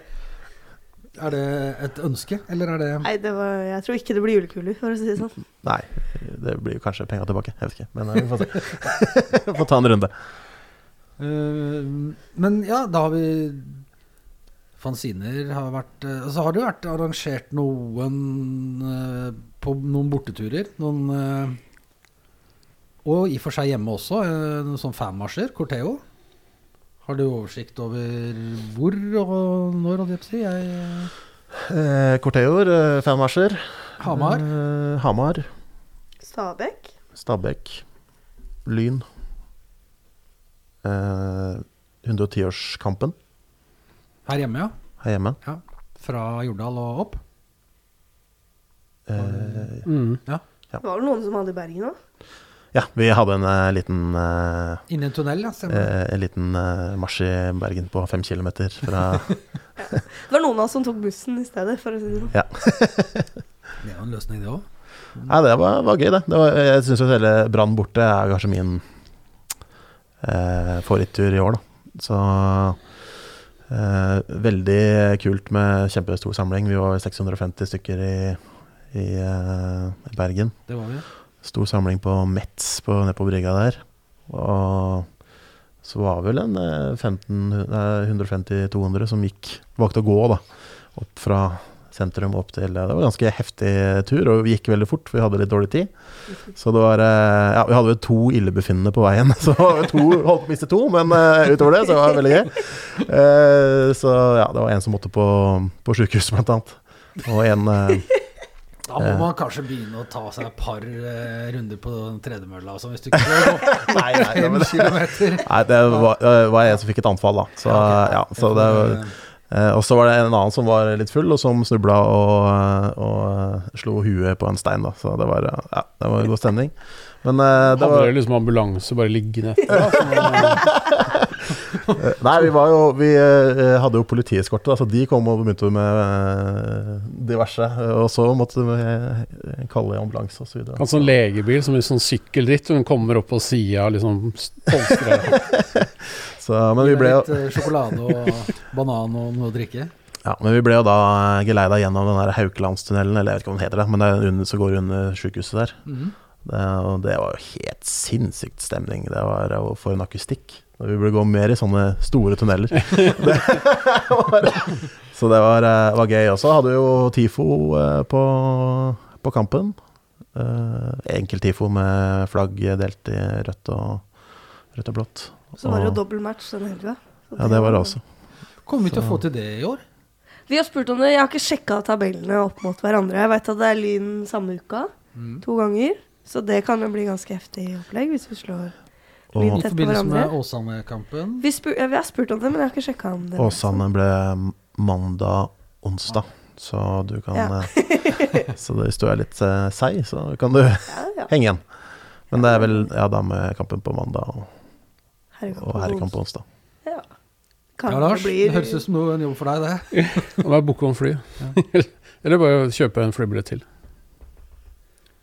Ja, nei, men det to ganger. Vi er sikkert en gjeng som kommer til å gjøre Er det noen Jeg tror vi snakket andre muligheter der? Ja, wow, wow. Trondheim er kanskje å dra den langt hvis du skal til Hvor langt er det til Levanger? Ranheim er jo Ranheim. ja. Det er, ja. Det er ikke så langt. Nei. Og det er faktisk ikke så langt fra flybus, flybussen heller. Ligger liksom på veien ut, hvis jeg ikke husker helt feil. Det er ganske knøtterit stadion, men jeg har fått fikk ny hjemmetribune for noen år siden. Også et bortefelt det blir rift om, tenker jeg. Ja, der er det Ja, det blir det. knøttlite. Det blir ikke overnattingstur der, eh, der oppe, tenker jeg. Så det blir, eh, det blir gøy. Uh, Så har vi jo uh, Vi må jo også prate litt om det, noe av det vi virkelig har å glede oss til. Da. Vi må ta tak i Vi får bydarbeid tilbake. Det har jeg drømt om i veldig mange år. Jeg hadde jo håpa det skulle bli på øverste nivå, selvfølgelig. Men når det først ting er som de er uh, Cupkampen mot Lyn i fjor var jo enorm. Og den marsjen fra sentrum og opp til Bislett der, det var jo også sånn Fader heller. Nå, nå koser vi oss. Dette var, dette var bra. Hvor mange kan det ha vært som gikk den turen sammen? Og, mm. Nei, hva tror du? da? 1000-2000, et sted mellom der. Det var helt vilt. 1500? eller? 1200 kanskje. Det var fantastisk eh, stemning. Og det å gå gjennom Oslo. Og så var det Da hadde jo Lyn noe tilsvarende greier, men vi ble holdt da politiet var, sto liksom og pekte andre vei nedover Karl Johan der. Så jeg hadde liksom Jeg satt i Universitetsgata på Lasteren, så hadde jeg liksom dere i, på høyresida og Lyn på venstresida. Det var en sånn ordentlig god stemning med politihester som gikk i veien. Og det var liksom, du kjente at nå er vi med på noe ordentlig. Nå er vi med på noe stort. Ja, det var jo Nato-toppmøte samme dagen, så de rakk å bli ferdig med det. Og så var det rett over på derby. Så nei, ja, det var kjempe, kjempedag. Veldig, veldig gøy. Eh, en TIFO som vi ikke, har, ikke trakk opp, men den Nei, TIFOen men der den- var jo enorm. hvis vi skulle Ja, vi, kom, vi skulle vel kanskje komme til en slags ja, topp tre TIFO-greie. Ja. men, men vi kan jo snakke om den uka som eh, var før, da. Fordi det, eh, det var jo en TIFO-uke for, for historiebøkene. Så de, vi spilte jo da mot Råde på en torsdag. Mm. Eh, og for på veien hjem så får vi beskjed om at ok, vi skal møte Lyn, og det er om én uke. Så da er det bare å hive seg rundt. Bruke Jeg tror vi brukte fredagen på idémyldring. Eh, lørdagen eh, det, ble det sydd opp x antall eh, OH-er, og jeg tror det, det Den siste mann som gikk, var, klokka var halv fire eller sånn på natta. Eh, så man skulle bli klar til eh, til søndagen da vi eh, tegner opp, da. Så tegner vi opp med grid eh, og, og så videre. Og bruker hele dagen på det. Og så er det faktisk mandag, så tror jeg det var Det var vel eh, Stabæk borte. Jeg husker ikke. Men det var i hvert fall et helt sykt kjør. Den, eh, Jeg lurer på om vi kanskje også malte på lørdag. Men i hvert fall på et tidspunkt der så var det Jeg tror det var gående fire dugnader samtidig. Ja. Hvor det kanskje er en jeg vet ikke, 80 stykker i sving eller noe sånt til sammen. På forskjellige steder. eh, der det, det males eh, det, eh, det var jo også damederby mot Lyn den helga påfølgende, så da det ble laga to TIFOR til damene. Så ble det laga en tror det var tre faktisk på damene. Tre, ja. ja. Ja. Så ble det laga en veldig stor tifo på herrene. Eh, pluss en sånn spøkelsestifo til uh, slutten. Uh, Ja, det siste greiene der. At ting orka, og så bli igjen og lage til damene, det var helt sjukt. Ja, ja. Og så, og så lagde vi en kjempesvær pis. Eh, Kokos og noen til sto og malte den der svære østblokka pisen på 40 meter eller sånn borte i, i, i innspurten der. Eh, Og så hadde vi enda flere. Vi hadde jo også noe Kaos Tifor, og vi hadde Pyroshow, og vi hadde tekstbannere. Og ja, det var eh, sinnssykt produktivt. Alt dette gjorde vi på en uke, da, og dette er jo også rett etter eh, disse der eh, rekka med Lillestrøm, Brann, eh, eh, Rosenborg. Eh, så det For en innsats. Ja, men det, det var utrolig gøy å være med på, da. Det er det ingen andre som får til, det er jeg helt sikker på. Ja, det var enormt. Og det Altså Der får vi jo nå to kamper mot Lyn. eh, Og den første var hva var de fant ut? Fjerde runde eller sånt nå? Fjerde runde. Mm. Ja. Det er jo lenge siden. Jeg husker ikke når vi hadde den kampen sist. Det husker du, Lars? Du som husker eh, sånn? Eh, ja, det var jo den Ghostbusters-kampen. For det var når vi endelig slo dem. Ja, det er den siste? Ja, for at da begravde Ja, vi jo da- det der nede i Eller det der derbyspøkelset deres, som de dro opp hele tida. For vi slo dem jo faen meg aldri. Eh, og så Siste mulighet. var siste Det mulighet. Da spilte jo Ghostbusters på stadion. Den melodien, når kampen var ferdig. Det var 2009, tror jeg. Ja, var, ja kan være noe sånt. Mm. Og da, ja. Siden det så har vi hatt det i cupen et par ganger, vel. Men eh, Og en by, altså en hovedstad eh, vi, Man skal jo ha to lag som, altså, vi, man, som kjemper mot hverandre om å være størst, og at man må heve seg fordi du har en byrival. Du kan faen ikke liksom kan ikke, Vi kan ikke drite oss ut da. Da må, da må vi liksom ordentlig opp i, i ringa. Det, altså, det, det krever litt av oss som supportere, da. Eh, jeg tror vi kommer til å ha utrolig godt av det, og det tror jeg Lyn eh, Vi må kanskje si noe om Lyn òg. Altså, de har jo blitt veldig synlige i byen de siste åra. Ja, på stikkersfronten, eller? Ja. Ja. Ja. Det er jo der de, det eneste stedet det de er jo, altså, det har vært eh, et, På tredje nivå da, så er det jo en, en brukbar gjeng som står og synger, og det har vekst i også, det vi det. har det. Ja, det. Uh, absolutt. Så, eh, og, har, og jeg setter på tribunen nå at de har eh, eh, kommet seg. Og så uh, Før dette derby i fjor, eller i år, da, så snakket de jo eh, veldig mye om på forhånd da, at denne svære tifoen de skulle lage. Da. Det var jo, tifo. Det var jo lommetørkle, ikke sant. Så jo så de, Før så var de jo faktisk jævlig gode, så vi var litt sånn OK, er er det de gamle gutta som skal i sving igjen her, sånn at det faktisk eh, blir noe motstand? Men det ble jo, jo ingenting, ikke sant. Så det var, men det var jo det var, det var gøy da at vi bare tok ordentlig knockout på dem. Det, det, denne store tifoen vi hadde f på innmarsj også, den hang vi jo på utsida av, Nei, eh, det er det feteste utsida av stadionkroppen Så, etterpå. bare for å avsløre det en gang, det er min topp tifo. Altså, når, når, når, den det gjort. Tifon henger henger over Én En by, ett lag. Ja, det var fett. Altså, det var så fett. Var Det no- bildet er helt rått, bare. Det er det feteste noen tenkte på, at vi skulle ta den Tifon og bare snu den rundt og henge Ja, det var, en, det var en diskusjon på en eh, jeg tror opptegningsstuen dagen og sånn. Ja, vi kunne bare hengt den på utsida. Så bare ja, det skal vi jo gjøre. Og det er genistrekk, ass, den som, de som gjorde det. Så det er bare Det er toppen. Ja, og noen fikk tatt det bildet også med sola som går ned, og det var bare ja, det er helt fantastisk fint. Det er nydelig. Ja, Banestorming og Nei, det var en kjempedag. Altså. Alle oppå på den tjukkasen. Det var fett. Ja, det er litt vakkert med Norge òg, da. Når det liksom, ja, det er banestorming, og så ender det liksom at du har liksom 40 mann på en tjukk sånn hø- stavsprang tjukkas. Ja, Med spillere, da. Det var jo nydelig. Alle bare hopper opp og ned, liksom. Bislett stadion er et rart sted å spille fotball. Ja, Det er veldig rart å være bortesupporter der, i hvert fall. Det har jeg aldri vært. Ja, det var langt, det var langt unna banen. Ja. Jeg skjønner at folk har et nostalgisk forhold til det, liksom, men for meg som ikke har et forhold til det, så det er rart med sånn løpebane rundt. 97-98 var enormt, altså. Men uh, da var det en annen da stadion òg. Det var en annen stadion, en annen tribune. ja, det var det. Det har blitt bygd om etter det òg. Ja, hele greia ble revet og bygd opp igjen. Så du anerkjenner ikke det som er Bislett nå? Som Ja, det er, det er for nytt og det er en kopi?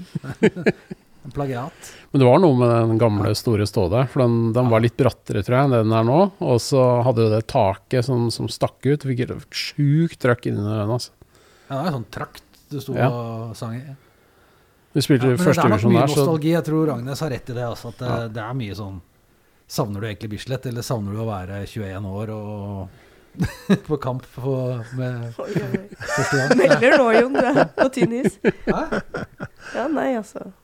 Nei, Age, jeg, ageism eh, rett ut der, men det, det tåler kanskje ja, Vi er ikke så woke, så det går bra. nei, jeg vet ikke. Jeg, jeg tenker i hvert fall at eh, det er, det er gode, gode minner og greit, men det er ikke et sted vi skulle spilt. lurer på åssen det blir på Ullevål, selvfølgelig.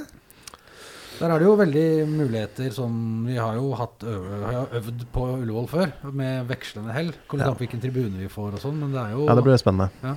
Synes du, hvis jeg får si én ting fra damene i år, så er jo den tifoen vi hadde på Ullevål nå, siste cup- cupfinalen. det er ganske imponerende saker. Det er jo, vi hadde jo en, en Tetris-tifo med en brikke som fløy ned og matcha inn i tifoen. Animert uh, Rett og slett tifo. Bevegelig tifo. Det er altså på nivå med de beste tifoene i Eliteserien i år. Ja, veldig gøy. Det var helt rått å være en del av. Jeg var bare kameravakt, da, så jeg sto under tifoen og redda et NRK-kamera. Men å se videoen fra det i ettertid, det er rått ha vært en del av. Ja, den, eh, den så jeg på TV fra hotellet mitt i, i Sverige. Da var jeg på ferie. Og jeg skjønte ingenting, for det var så hakkete og dårlig bilde. At, eh, så, så så jeg at det så bare ut som det var halv, og så var det noe som datt av. Jeg, jeg fikk, jeg må, det tok meg fire dager å skjønne den. Vi har en bra video av den som Ja. viser den Ja, den ordentlig. Ja, Og da er det jo bruk av det at det er flere nivåer og sånn. Så det er mye ut den på sosiale medier, for jeg tror ikke jeg har sett den. Jeg tror kanskje ikke det har vært Den beste videoen tror jeg faktisk ikke har vært lagt ut. Må du Den legge må ut. Var, må ut. Den, det var gøy. Det er mye detaljer eh, i den. Da. Mye sånn du kan eh, plukke opp og, eh, om eh, meritter osv. Og, så videre. og så, og så står det jo eh, Det står uh, scoren er 13-12, og så kommer det en ny high score på slutten med 1913. Så nei, det, var, det er mye bra. Det var også en Europa-tifo med damene der, mot, var det mot Celtic? Uh, hvor det var store europakartet med Europe-fonten og sånn. Det var Mm. jævlig fett. Vi har hatt flere europatemaer på, på damene også. Så der er det et TIFO game som ja, har vært skikkelig gøy å, å være med på i år. Men eh, ja, eh, Ullevål. Det, det er, eh, det er egna til å lage TIFOR. Ja. Absolutt. Så jeg er veldig spent på hvilken sving. Det, jeg vet at uh, vi har hatt noen veldig fine i VG-svingen. Uh, men det er også absolutt mulig å lage i Colasvingen. Så det er litt bedre lysforhold ofte da, i uh, VG-svingen. Da får du så sola rett på tifoen. Da. Det, det er også fint. Ja, kan bli noe bra. Og så får man noen disse etasjene da, som vi ikke har hjemme, som eh, vi kan uh, utnytte oss av. Så det blir gøy. Du håper på VG-svingen? Nei, jeg vet ikke. Jeg tror det er, eh, blir bedre trøkk egentlig på motsatt sving, da. I banditsvingen. Mm. Og da må vel jo virkelig Da får Lyn testa seg litt ordentlig òg. For å se liksom hvordan de liksom, hva, hva, kan, hva kan de få til? De er jo nødt til å levere bedre enn det de gjorde i cupen. Ja, det er, det. det er en svær anledning, da, og de har tatt på seg å flytte kampen I en svær stadion. Da lover de jo Eller da er de jo nødt til å Ja, ja, men det er peak lyn. De tenker veldig høyt om seg sjøl, og så viser det seg at Jeg så at uh, den, ene, den gamle ultrasgruppa til Lyn var tilbake i den siste matchen deres. Sønner av Kristiania. Mhm. Så og hvis de uh, børster støvelen av gamle kunster, så kanskje de kan, kan uh, prøve seg på noe. Men jeg, jeg tviler. Det må jeg innrømme. Du tviler? Skriver de 'Sønner av Kristiania' på dansk, eller? Eh, jeg tror det er noe eh, sønner av. Af. Ja, ja 'Sønner af. Kristiania'. Men øh, vi, skal vi ta noen flere, noen flere Twitter-spørsmål? Nå har vi jo Vi har fått mange. Som sagt, enormt mange. Vi har fått en Kim som spør om uh, For det var jo også veldig mange som Når vi skulle snakke om, uh, om tribuneåret, som, begynte, som dro, dro inn dette med sanger. Evighetssanger kontra de korte, mer sånn uh, som reagerer på noe som skjer på banen. Det er jo en diskusjon som durer og går. Men han tok også opp hva må til for å gjøre ord til handling og prøve et PA-anlegg. Er det noe som har vært diskutert på ordentlig? det Eh, kommer vel, det. Ja, har ikke klansstyret vedtatt det, at man ønsker å ha det? Vi har det. og Det var snakk om å, å innføre allerede nå på slutten, men vi var enige om at uh, det er liksom, vi har litt andre ting å fokusere på nå. Nå trenger vi at uh, blokka lager mest mulig lyd, og at vi ikke har noe styr. Men planen er vel at det skal settes i gang fra og med neste sesong, så det kan jo bli fett. Vi er jo noen av oss som er litt sånn Det er viktig at det brukes på riktig måte, det tror jeg vi kan være enige om. Men eh, Ja, jeg har litt tillit til han som sitter på motsatt side her, at det skal, det skal gå bra. Jeg skal gjøre mitt beste. Så, men eh, ja, jeg tror det kan bli positivt. Eh, Jeg har ikke ønsket å kjøre den prosessen selv. Det er litt sånn, det får noen andre ta seg av. Uh, hvis jeg skal stå og gævle i en mikrofon, så er det greit at noen andre har bestemt det, og ikke uh, jeg selv. så, men uh, vi har jo sett behovet for det da, på mange kamper nå, på, særlig på slutten egentlig, men også vi har jo solgt ut blokka ganske mange ganger i år. Og den tar jo 3900 mennesker, så den megafonen den når ikke så langt når det er fullt der. Det er mye folk som, eh, som absorberer lyd før den eh, er i, i eh, Men Helt altså, oppe i skal det da være Du skal få en, en mikrofon, så skal det være høyttalere på sidene eller et eller annet sånt, sånn at vi som står litt ute på sida Ja. der og gjemmer oss, skal få det med oss? Ja, sånn at alle kan starte helt likt på eh, denne sangen som startes, da. Ja. Så nå er det jo på en måte de på midten som får med seg det, og så sprer det seg utover. Men hvis man eh, legger opp til at eh, eh, alle hører første strofa, så blir det nok lettere å dra skikkelig. Så vi får se. Så er det, noen åpen, det er jo noen åpenbare kriterier her. ikke sant? Lyden det kan ikke være, Vi skal ikke være supportere på høyttaler, liksom. Det, det skal vi klare oss uten. Og eh, vi skal bruke det når vi trenger det. Det er ikke nødvendigvis sånn at vi nødvendigvis trenger det hver match. Så det er jo en del sånne vurderinger som må gjøres, så vi må teste litt. Ja, dette må vi snakke om. Ja, det er mye vi må snakke om. Så det blir fett å Men- se deg med mikrofon, ass. Bare Are you ready to rock, Oslo? Ja, det er helt fryktelig, egentlig. Jeg er ikke komfortabel, men det, det er greit. Men vi så jo også Vi så jo at de der megafonene knakk jo helt sammen når vi sto der i minusgradene, og batteriene Ja, ble flate med en gang. Så nå Både Hamar og Tromsø, Tromsø, det var minus 12 vel, så det, da stoppa de å funke. Så Men borte må du slite med en mikrofon, med en øh, sånn megafon fremdeles, vil jeg tro. ja, ja. ja det er, jo- så for de fleste bortefelt trenger du ikke det. Kanskje du har pakka med P-anlegget til Egersund eller noe sånt. da Bare, Har du skjøteledning? Koble har Kunne ha med roadies som setter opp og Nei, men vi skal det, altså. Ja, rett og slett. Det mer Ja, ja, trene, da. Ja, Så det er bare å ja. gå i læren og sant? Blir det trådløs mikk, eller skal du ha, skal du ha ledning? Du Jeg, jeg vet ikke så mye om dette, her, men uh. Jeg kan ikke de tekniske detaljene. kan Jeg ikke røpe Jeg husker det var noen diskusjon om høyttalere og sånt, men jeg må innrømme at eh, Så, men du, du tar ikke det som eh, liksom, kritikk? At de mener at du må, du må mikkes opp for å, at, folk at du skal få med deg folk? Nei, jeg gjør ikke det. Jeg har ganske høy, høy stemme, så du må jo kjøre Marshall-kabinettet, vel, så du får en sånn ordentlig vegg. sånn, sånn Marshall-vegg, sånn ACDC har, liksom. Å, jeg er så glad det ikke er du som skal gjøre dette, Lars.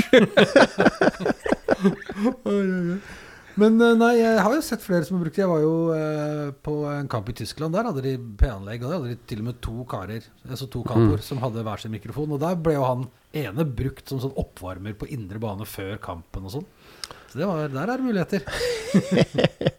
Nei, Jeg pleier å si at eh, fansen skal være på tribunene, men eh, Ja, nei, men det, yes, nei, det blir spennende. Da fikk, da fikk jo Kim i hvert fall svar på direkten på det han lurte på. Han lurte også på om, eh, om det er du som er capo i 2024. Han stiller spørsmålet ja, jeg er kjempemotivert, jeg. Ja. Så jeg ønsker å fortsette.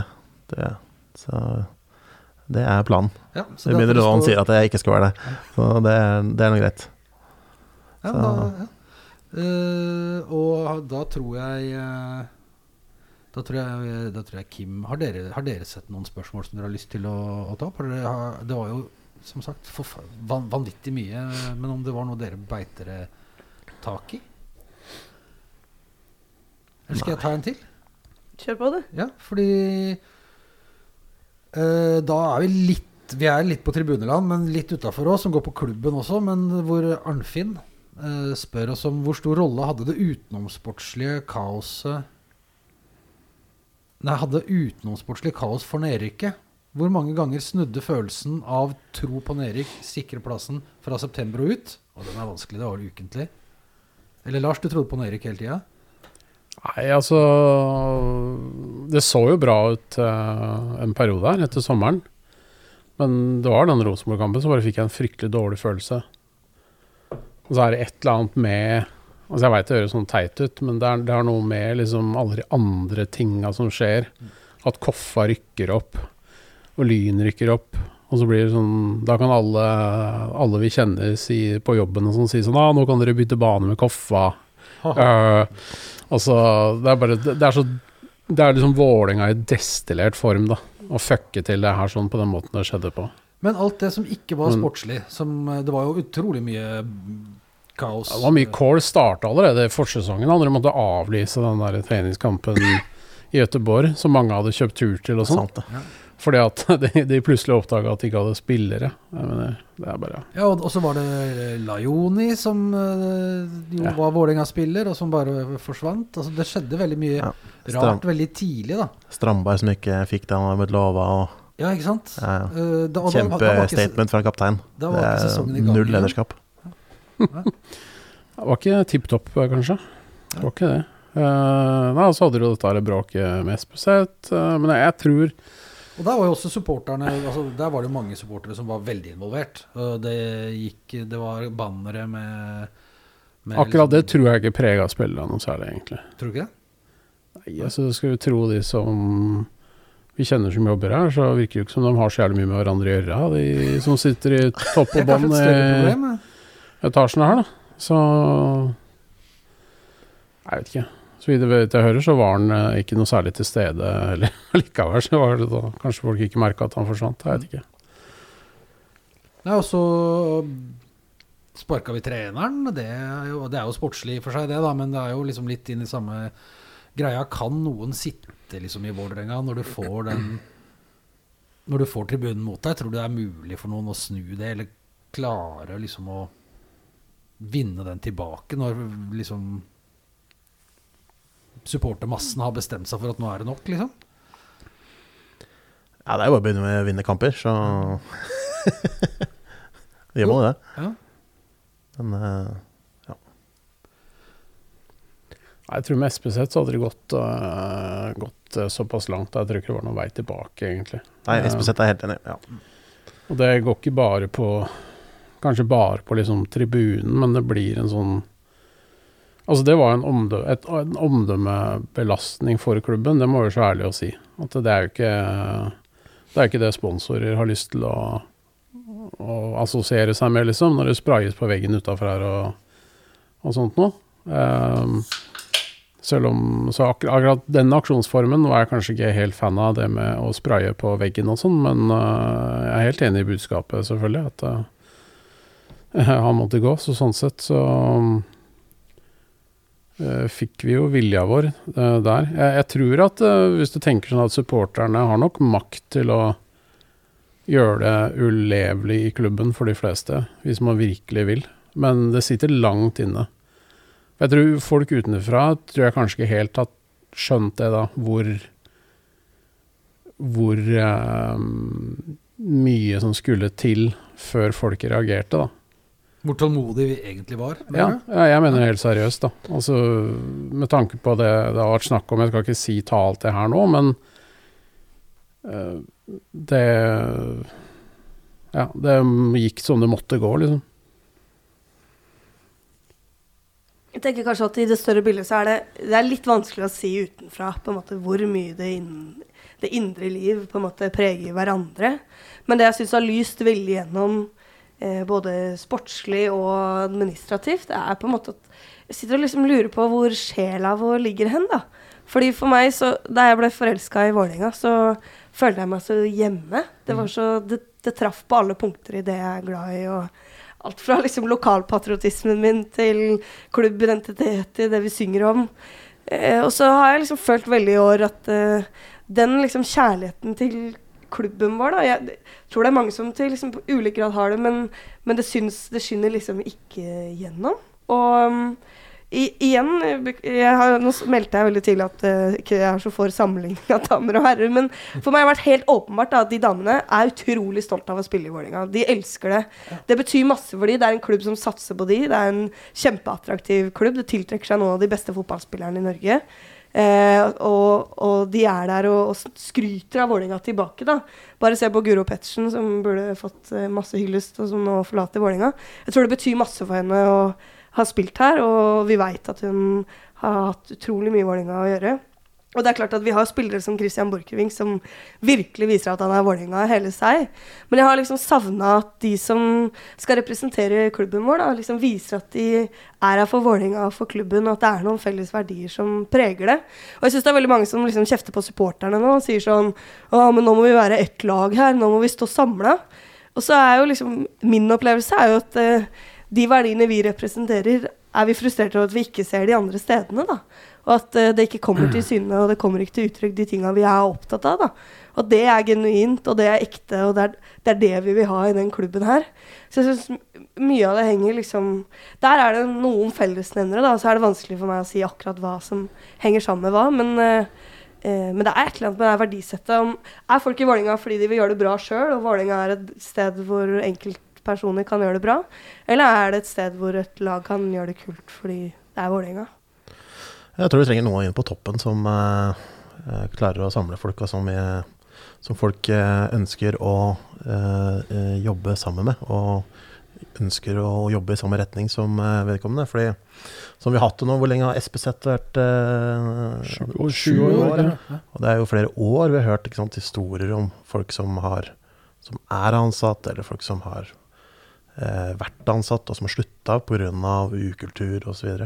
Snakke dritt da, om eh, oppover i systemet. Og da, hvis ikke du har noe lojalitet til de folka som er under deg, så klarer man ikke å bygge en god kultur heller. Så det, du er nødt til å vinne tilliten til til eh, folka som jobber i organisasjonen der, og til fansen osv. Skal du være en, eh, en leder som, eh, som skal få til det der altså, Jeg hørte et sånt godt uttrykk her eh, for noen dager siden om at eh, tillit, det, det bygger man i millimeter og river ned i meter. Så det er eh, eh, Og med disse sakene som har vært da, pågående, så har du ikke hatt sjanse til å bygge opp den tilliten igjen. ikke sant? Så det var på høy tid med et eh, skifte der, og så kan man jo tenke om det er eh, Man må finne på hvem er det som egentlig er sjefen her, da. Det er jo det store spørsmålet, og derfor har vi jo satt fem timer eh, på årsmøtet tidligere i år. Så, ja, Men det, det med miljøet er jævlig viktig, da. Ja. Altså, Vi har jo hørt i mange år at det er dårlig arbeidsmiljø i Vålinga. Og det, det er ingen organisasjoner som lykkes hvis de har et dårlig arbeidsmiljø. Jeg har jobba i, i virksomheter før hvor det er dårlig arbeidsmiljø pga. dårlig lederskap. Og det er ikke noe bra sted å være, og folk vil vekk, og det, det får dårlige resultater av det. Og sånn er det også her. Og det, det forplanter seg jo nedover. Og, og da Altså, det er øverste leder sitt ansvar. Det er styret, og så er det daglig leder. Kanskje særlig daglig leder, som er der personlig i det daglige, har ansvar for å sette standarden og sette den kulturen. Så dere det Graff skrev på hjemmesidene til Vålerenga fotball for eh, rett før jul? Ja, jeg leste.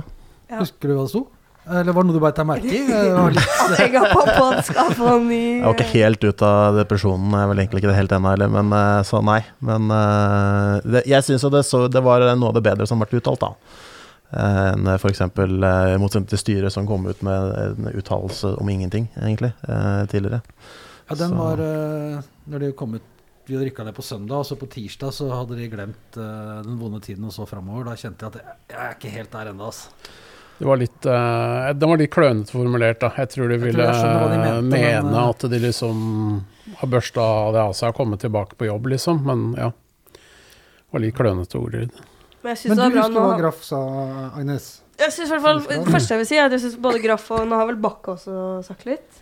Hvis ikke jeg husker helt feil. Det stemmer. Mm. Og det, jeg, det syns jeg har vært bra at de har sagt noe nå. Fordi vi er mange som har lurt litt på hvordan hva som reflekteres. Og det er sånn typisk Vålerenga at det er så mye kål og kaos at eh, det får mest oppmerksomhet. Men det er jo egentlig hvordan laget nå forbereder seg, og hva som skjer, som mange, mange har lurt på.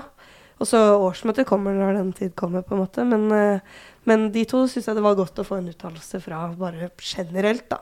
Og så bare humret jeg av at uh, en gang på pod kanskje skal få en ny podkastleder, eller hva man kaller det. Han, han Programleder. starta med å sparke, sparke Siem på direkten. Det var, Han sier jo ordet rolle inni der òg, da. Ja. Det er liksom rolleforståelse. Det, det er bra at han kommer inn og på en måte setter den, den grensa. Og han sier jo de rette tinga, så får vi se om det gjennomføres i praksis. Men det, det er i alle fall lovende, da. At han har tydeligvis sett noe som Jeg, jeg må si igjen, jeg vil påstå at supporterne som aksjonerte, vi hadde rett. Fordi eh, han peker jo på mye av det som har vært sagt lenge. Ikke sant? Med kultur og så videre. Og, Og inntrykket mitt òg er at han er eh, in veldig interessert i å samarbeide. Og at uh, det er gode møter med han. Så jeg får, det jeg får av positive signaler, i hvert fall, lover jo bra. Og så må vi følge med. Det er jo Ja, det er folk eh, med denne klubben, så veit man det helt. Og folk har jo bakgrunn fra forskjellige steder, så det har vært grunn til å liksom holde øya åpne. Og Vålerenga kan bli Vålerenga, sikkert. Så men, eh, men ja, folk sier bra ting, altså, så det er verdt å ha med seg. ja, jeg syns også det var eh, Det liksom Det var litt sånn nye, nye takter, og jeg sy- syns det var lovende. Uh, det er jo, når du sier møter med klubben, det er jo flere av dere her som er i jevnlige møter med representanter for klubben. Er det, er det alle unntatt meg, eller er du Lars? Ja, ikke så ofte. Men innimellom? Eh, innimellom. Men dere er hyppigere, de to andre her. Ja. Hvor ofte møter du, og hvem møter dere? Eh, nei, det er eh, kanskje kvartalsvis i hvert fall. Kanskje litt oftere. Eh, det, det kan jo både være f.eks. Meran hadde vi jo jevnlig møte med, så får vi snakke om eh, liksom, hvordan få folk på kamp og, og disse tingene. Da, og forskjellige initiativ som han hadde. Så Ja, han Eh, så- kom til dere og lufta sine ideer, og så Ja. sa dere dette funker, dette funker ikke. Ja. Eller, ja. ja, kjempe Hvem er det han snakker med da? Uh, nei, det er uh, klanstyret, Ikaros uh, og- Klanstyret har på en måte utvalg for de fleste tingene, som, med folk som følger opp med klubben. Så det er ganske mange av oss som har ulike møtepunkter med forskjellige folk, litt ut ifra hva slags rolle vi har. Det er alt fra sjappa til marked til uh, styret. Nå har vi jo fått en observatørrolle på plass, da. Så nå har vi også observatør rett Mm. inn i elitestyret, klubbstyret. For de som da ikke Det er jo ja, forskjell på AS og klubb enn så lenge. Um, så eh, ja. Det er i hvert fall eh, noe av det. Det er også faste møter med både hockey- og dameklubbene. Så det, det skjer ganske mye der som man ikke nødvendigvis ser på overflaten. F.eks. Christian Arens skal ha veldig mye skryt for uh, mye av den tiden han legger ned på å møte klubben. Det er, mye, det er mye det- samtaler som skjer, da, og jeg tror mange av de resultatene vi ser, som lover bra, kommer også av at uh, det er hyppig møte med supportere og folk som representerer oss innad. Så det er ikke alt uh, som står på Twitter alltid. Det skal man kanskje huske Nei, på noen ganger. Absolutt ikke. Det skjer, det skjer noe hver uke. eh, på et eller annet nivå, da. Det gjør det jo. Når man, Men å, å møte, møte folk fra klubben, er det liksom eh, En ting er å stå liksom på tribunen og rope ut sin vrede, men når du møter folk som jobber med dette her i det daglige, er det liksom litt sånn Er litt, litt Åssen var det? Var de, var de liksom Hvordan var stemninga? Merker dere på de dere møter, at nå er det liksom er litt dårlig stemning? Eller var de Hadde de Nei, ja, man merker vel det. Man snakker jo litt om det, og så kommer man eh, Så fort møtet er i gang, så er man jo Da er det mer hyggelig og uh, han sånt du tar bilde her. Jeg blir alltid så fintete av dette. jo, bare går ut midt i podkasten for å ta et bilde av hele gjengen. Nei, det er dere som skal prate. Jeg skal jo Ja. Da husker jeg ikke hvor jeg var engang, men eh, Jeg ble helt satt ut. Ja. du Nei, står, er du står mange... og leder liksom et sangkor på 3000 pers uten å blunke, men hvis noen tar bilde av deg mens du snakker, så ja, det er uvant. Ja, nei, men da, da Ja, men det er mange faste møtepunkter med klubben, og jeg opplever at de er interessert i å høre, og så er det ikke alltid vi er enige, og eh, noen ganger er de mer opptatt av å høre enn å gjøre, kanskje. Men, eh, men jeg tror de fleste som er i mye av de faste møtene, vil si at det er i hvert fall god dialog på mange områder, og så er det en del steder hvor dialogen kan bli ganske mye bedre. Spørs litt hva, hva det handler om, tror jeg. Vi så jo på årsmøtet sist at det har jo vært en del dialog hvor eh, det har vært ganske ulik virkelighetsoppfatning av hva man har snakka om. Så jeg tror ikke det er all dialogen man kan si går sånn veldig bra. Men, eh, men at det er det, og at det er kontakt, det er det ingen tvil om. Jeg må jo tenke at det er en Altså det i hvert fall er et ønske der da om å, om å inkludere supporterne for å finne ut hvordan vi skal drive Ja, At disse møtepunktene Kanskje, finnes. men det er nok litt ulik virkelighetsoppfatning av hva supporterne har et messig ting å mene noe om, på en måte. Det er litt mitt inntrykk. At eh, vi kan diskutere liksom kampavvikling eller praktiske ting, men når vi kommer til disse strukturene i klubben, så syns jeg at virkelighetsoppfatningen fra supporterperspektivet eller fra oss som er medlemmer i klubben, da, og de som er på innsida, er ganske ulik. Og det er jo en stor utfordring med hvordan vi ser på veien videre og framover og alt som skal skje. Ja, ofte i disse møtene så er det jo fordi klubben ønsker å eh, komme med noe informasjon ut til, eh, til supporterne som vi ønsker, at vi skal spre. da, eksempel, eh, ja, det kan være Kanskje hva, Kan ikke dere mene noe om kasting på, av gjenstander på tribunen? For det er et kjempeproblem eh, pga. sånn og sånn og sånn. Så kan man bli enige om å snakke om disse tingene. Så det er jo konstruktivt. Og vi er også heller ikke tjent med at eh, klubben får eh, ekstra med bøter, eller at vi får masse flere vektere, eller eh, masse støy, da. Eh, så det er jo fint da å kunne ha den diskusjonen da, underveis. Vi fikk jo et spørsmål om det der med Ikke med kasting, men det med at nå er liksom pyrobruken den er jo mer eller mindre eh, frislipp på, Mm. virker det som. Og det medfører jo at veldig mange som ikke er en del av et organisert miljø, og kanskje ikke kan dette her, eh, plutselig står og fyrer sånn på litt sånn rare tidspunkt.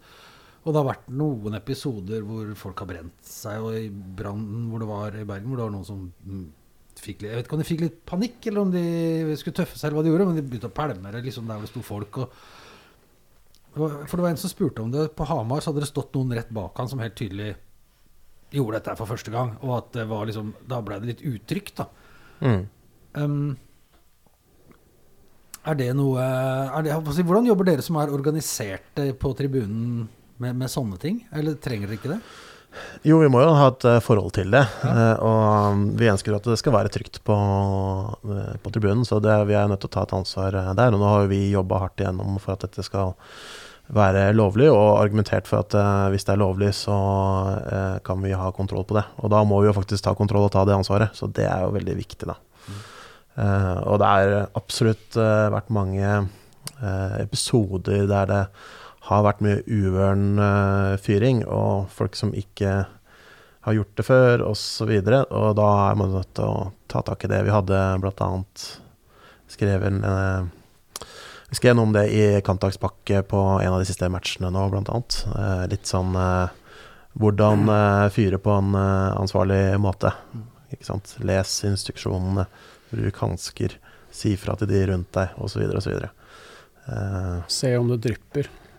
ja, ikke sant. Ikke vift med, med eh, bluss som drypper. Eh, da kan du holde rett opp og ned. Ja. Mange sånne ting, da. Så ikke er på banen. Ja. Altså, hver gang det er en sånn blussdebatt i sosiale medier, og sånn, så ser det alltid noen som dukker opp og sier at ja, men bluss er ikke farlig. Men hvis du, det, er, det er ikke farlig så lenge du veit hva du driver med. Men hvis du ikke veit hva du driver med, så er det faktisk farlig. Eh, såpass ærlig må man være, liksom. Eh, og da, da Altså, det, det går mer på Altså, en ting er holdningsarbeid og sånn, men du må også rett og slett Folk må ha såpass vett, da. At de leser bruksanvisningen, at det liksom slår det ut, og de, de gjør liksom det de skal. For det verste er noen som får panikk og kaster det fra seg, eller bare slipper det fordi de brenner seg. Altså, det, det er skummelt, altså. Jeg så et veldig flott sånn øyeblikk eh, på Østblokka hvor det var helt øverst i kroken der, så var det sånn en pappa og en eh, sønn, regner jeg med, de så sånn ut. Han guttungen kan ha vært jeg vet 10-12 år eller noe sånt Noe, Som han, faren hadde med et bluss. Så sto de bare der oppe i kroken og fyra helt for seg sjøl. Hadde liksom sitt, sitt sånn lille øyeblikk der oppe. Men eh, Nei, eh, apropos det, skal jeg fortelle en hemmelighet? Ja. Nei, spesifikt. Ja. Nei, dere. Alle. Jeg har aldri fyra et bluss i hele mitt liv. Det er på tide. Kanskje det er mitt nyttårsforsett for 24. Egersund neste år. Jeg skal ikke til Egersund, Lars. Jeg skal ikke det, altså. Selvfølgelig skal du til Egersund. Alle skal til Egersund. Det er bare tull. Nei, jeg skal ikke til Egersund. Vi får se om det blir et eh, det, Jeg skal eh, komme meg på flere bortekamper enn i fjor, men eh, Egersund tror jeg ikke det blir. Oh yes. Ok. Du skal være med meg. ok Når er det? Nei, det kan vi ta etter. Du skal kjøre elbilen din? Ja, det kan godt hende. Nei, vi får se, da, vet du. Eh, hvis jeg skal til Egersund, så blir det i hvert fall der. Eh, vi vi snakka i stad om at vi måtte eh, lage en, eh, en topp tre-liste over tifoene våre i år. Har dere klart å tenke på det mens vi har sittet her? Ja. Noen har forberedt seg Ja. med papirlapp og det hele, ser jeg. Jeg har ikke laget noen topp tre-liste ennå, men jeg har eh, Jeg har til og med tenkt prioritering. Ja. Hvis du jeg- som har på. gjort det, begynner skal vi Det se er om kanskje legger i flinkisjenten Nå representerer jeg veldig sånn eh, Nei da. Eh, jeg syns 110-års Altså, den, er, den tifoen var helt eh, vill. Og der ta- var det jo flere deler eh, Der var det vel hvis ikke Og nå ble jeg redd for å si feil, men det er vel altså Det er både disse starterne av Vålerenga. Er det ikke det? Stiftegutta. Stifte- stifte- Ja, den svart-hvitt Ja, den er eh, helt rå. Som hang i, i Ja, det kanskje jeg burde Nei, men det er den og alle de på, på Da inkluderte vi jo langsida òg, så de hadde ett sånn vimpel for hver, eh, hvert seriemesterskap som klubben har. Stemmer. Så det var mye historie i den tifoen, og det var også noe blussopplegg der i pausen. Med 110 i tall. Men Ja. altså, bak grunnleggeren er det også uh, kassesnekkeriet, som er malt bak.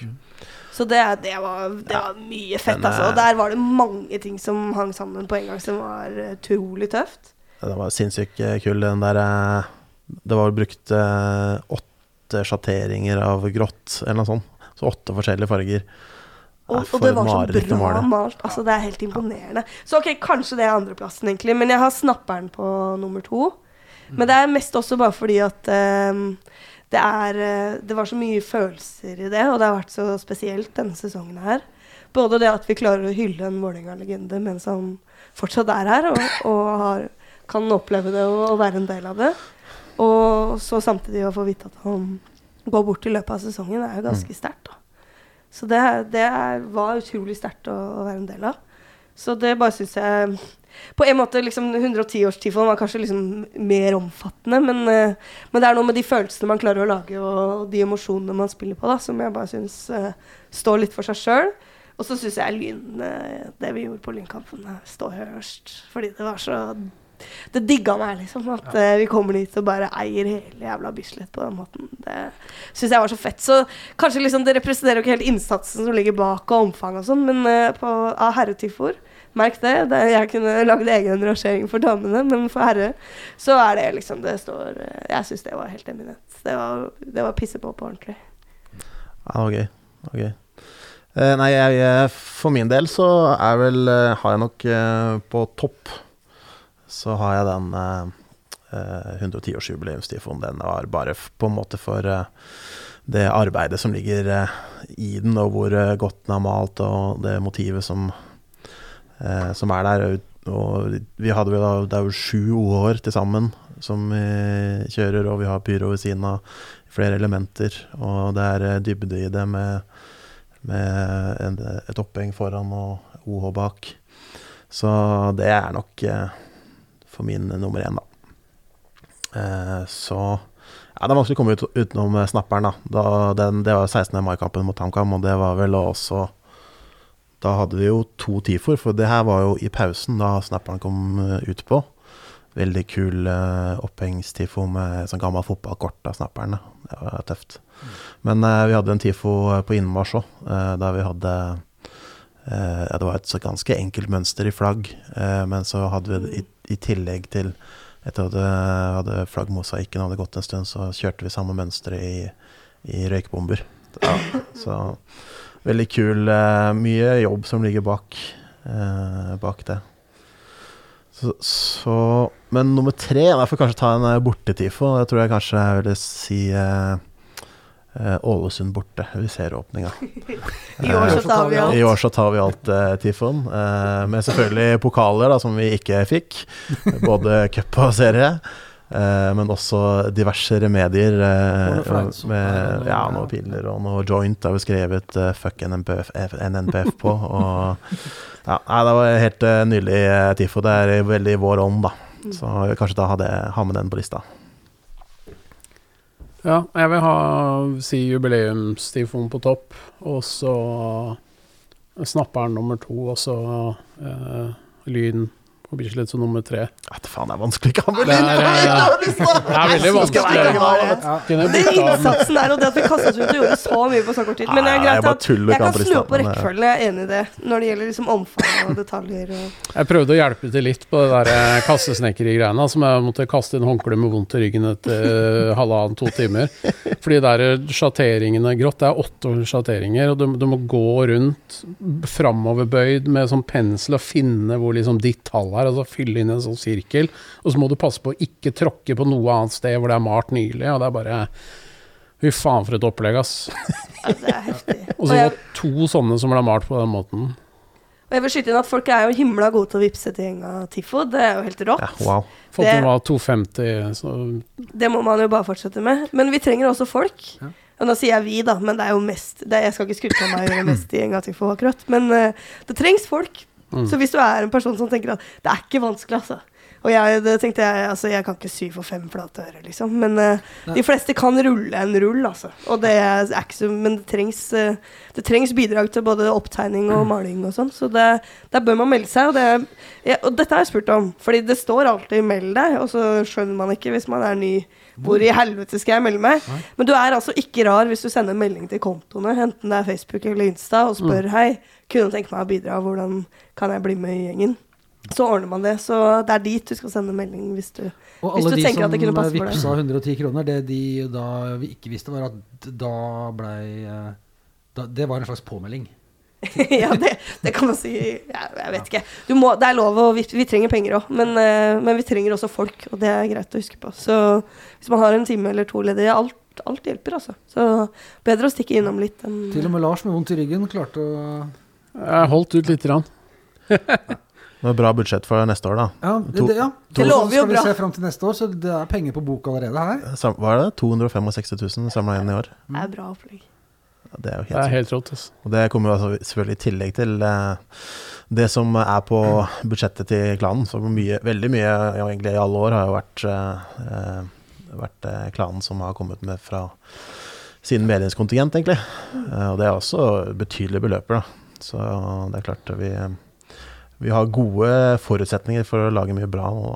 Så reklame nummer to er at man bør være medlem av klanen. For det finansierer mye av det vi driver med.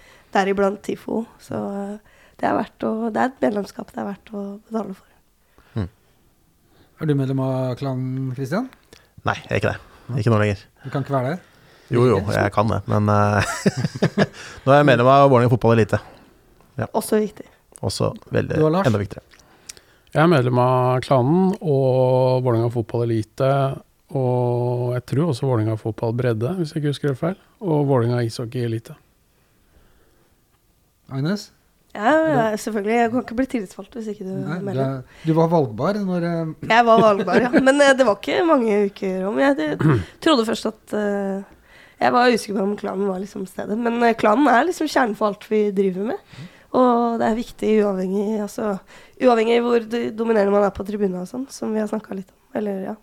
så, um, så tenker jeg at uh, det er viktig fordi det er så mye sentral drift som kommer derfra. Da, og mye som fasiliteres og, og ligger der. Så det vil jeg oppfordre folk til. Men selvfølgelig, som man har vært innom i denne poden mange ganger, det er, uh, det er viktig å være medlem av klubben og være med på å sikre at vi er en medlemsstyrt klubb, da, som vi jo tross alt skal være. Så det jeg vil oppfordre til begge deler. Og uh, siden ingen kommer til å spørre meg, så kan jeg si at jeg er også medlem av klanen og Vålerenga fotball elite nå for eh, Det er vel andre året jeg er medlem der. Men jeg planlegger å melde meg inn i Brødå, òg, eller altså Vålerenga fotball. Hadde, Eh. hadde du noen uh, tifoer du på lista di? Jeg syns jo den jubileumskampen også var Den synes jeg var helt uh, sjukt fett. Den er øverst for min del. Eh, litt fordi den gjorde noe av det som jeg blir sånn ordentlig stolt av Vålerenga på, er når vi viser liksom den derre kraften som, som fins i at vi faktisk, når det skal trås til, da, så har vi en mobiliseringsevne som er helt enorm, da. Og det kjente jeg skikkelig på, jeg, selv om jeg hadde jo ikke vært med på noe av det. Men når jeg sto på tribunen da og så utover den der fiff, så tenkte jeg at det, ja, det, det, er liksom, det er skikkelig svært å være en del av. Å være en del av det miljøet. Så når det liksom det bare rulla ut over meg og ved siden av meg og på tribunen til høyre og tribunen til venstre, og det var liksom massivt, da. Det syns jeg var ordentlig fint. Og så vil jeg vel da ha eh, Bislett på andreplass.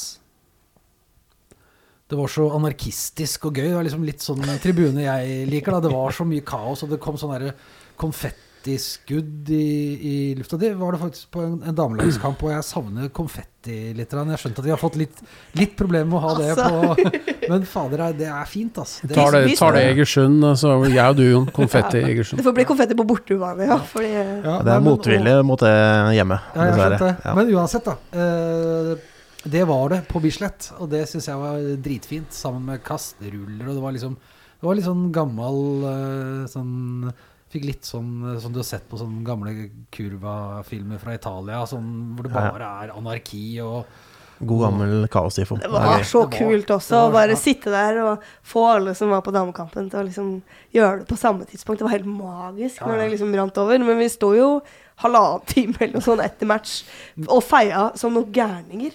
Og da vi gikk derfra, så så det ikke ut som vi hadde prøvd. Så det sier ganske mye om hvor jævlig det var. Jeg hørte at de hadde brukt masse ekstra ressurser på å plukke det ut fra matta. Så jeg tror eh, Jeg skjønner at det ikke er så Men de, de der som er litt sånn blanding av røykebombe og bluss og sånn, som ser litt sånn konfettiaktig ut, de er også nye av året. Ja, Airsmoke. De er, det syns Ja, det er jeg var ganske gromt. Det er heftig. Ja. Vi har blant annet eh, er noen som har tatt et bilde av Østblokka når noen fyrer av to sånne blå som, altså Det er jo over taket. Det, jeg får, eh, det var veldig rørende det med snapperen, men kanskje jeg får, for å ikke si akkurat det samme som dere, da, så Airsmoke. Det har vært en ny, nyvinning i år som jeg syns har vært veldig, eh, veldig kul. Ja, det er gøy. Vi skulle trekke fram et eh, pyroshow, så må være Tromsø hjemme-pyroshowet. da. Da vi tok det på avspark andre gang og utsatte kampen for å spare oss litt eh, tid. Det var, det var gøy. Så ble, det var noen som skjønte hva, hva dere drev med. Ja, absolutt.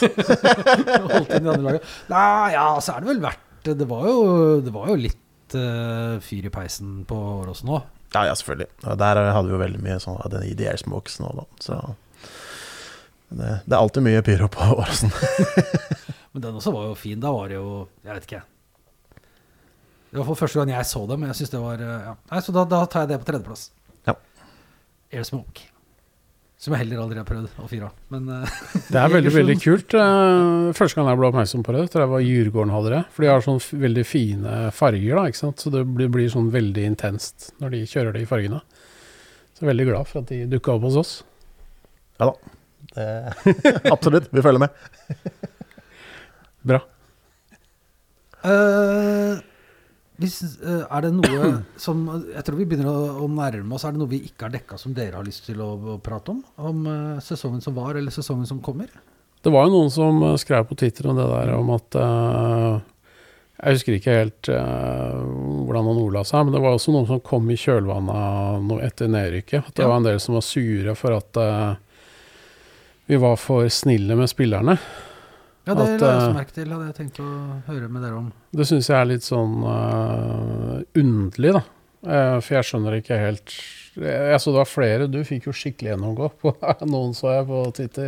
Ja, ja. Du fikk jo skylda for at du rykka ned, basically. Fordi Ja, at uh, du ikke skjeller ut spillerne nok. ja nei, jeg tar ikke den. uh, nei, altså, jeg, jeg skjønner jo ikke helt det, da. At Altså, jeg tror at uh, spillerne gjør det de kan, og så er de Det er andre problemer. Det er uh, arbeidsmiljø og dårlig lederskap osv. lenger oppe i systemet som gjør at de ikke får prestert. Men jeg tror de går på banen og gjør sitt beste, det de føler de kan hver kamp, da, selv om det går dårlig, liksom. Det er ikke Og da mener jeg at eh, så lenge ingen liksom aktivt saboterer der ute, liksom, så er det ikke Hva faen er poenget med å stå og skjelle ut skjelle dem ut, liksom? Eh, det blir ikke noe bedre av det. Og etter siste runde, så Jeg var egentlig jævlig stolt av at du ikke reagerte sånn som Bøfla, hvor hun måtte sende spillere i garderoben og ha politi eh, mens de drev og ramponerte sin egen tribune og sånn.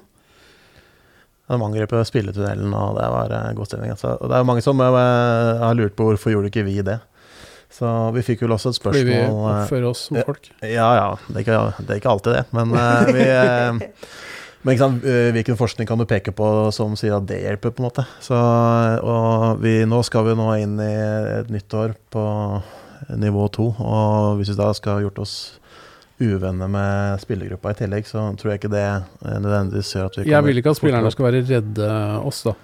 Nei, det, jeg tror jo ikke at det Og det var mye ja. ulike reaksjoner der. Altså, jeg sto ved siden av folk som grein, og sjøl hadde jeg lyst til å synge, men hele Altså, fra, fra andre omgang så hadde jeg lyst til å dra hjem, så det er Ja. mye reaksjoner som kommer i en sånn situasjon. Det er ikke noe tvil om det. jeg så vi hadde fått uh, spørsmål om det, da, hvorfor uh, Ikaros eh, valgte å pakke sammen og dra. Uh, og dette er jo ting som vi hadde prata om på forhånd, hadde hatt møter om dette og eh, gått gjennom. ikke sant, Hva gjør vi ved et eh, nedrykk? Og noen eh, kanskje tar til orde for at nå må vi liksom sette eh, nå, nå skal vi lage et helvete, på en måte. og mens andre er helt i andre enden av skalaen. Og, så, men vi fant jo ut at vi skal i hvert fall ikke stå der og applaudere et nedrykk.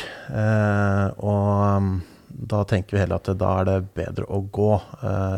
Og i tillegg eh, Tilleggsdimensjonen med det er at hvis vi står der når eh, spillerne kommer bort eh, etter kampen, så er det garantert noen som kommer til å miste besinnelsen, og det kommer ikke til å se noe bra ut. Så derfor så bestemte vi på forhånd at vi skulle gå ut, da. Og det ble veldig stussa veldig over det. Vi tatt veldig godt dårlig imot på blokka, at vi bare eh, valgte å gå.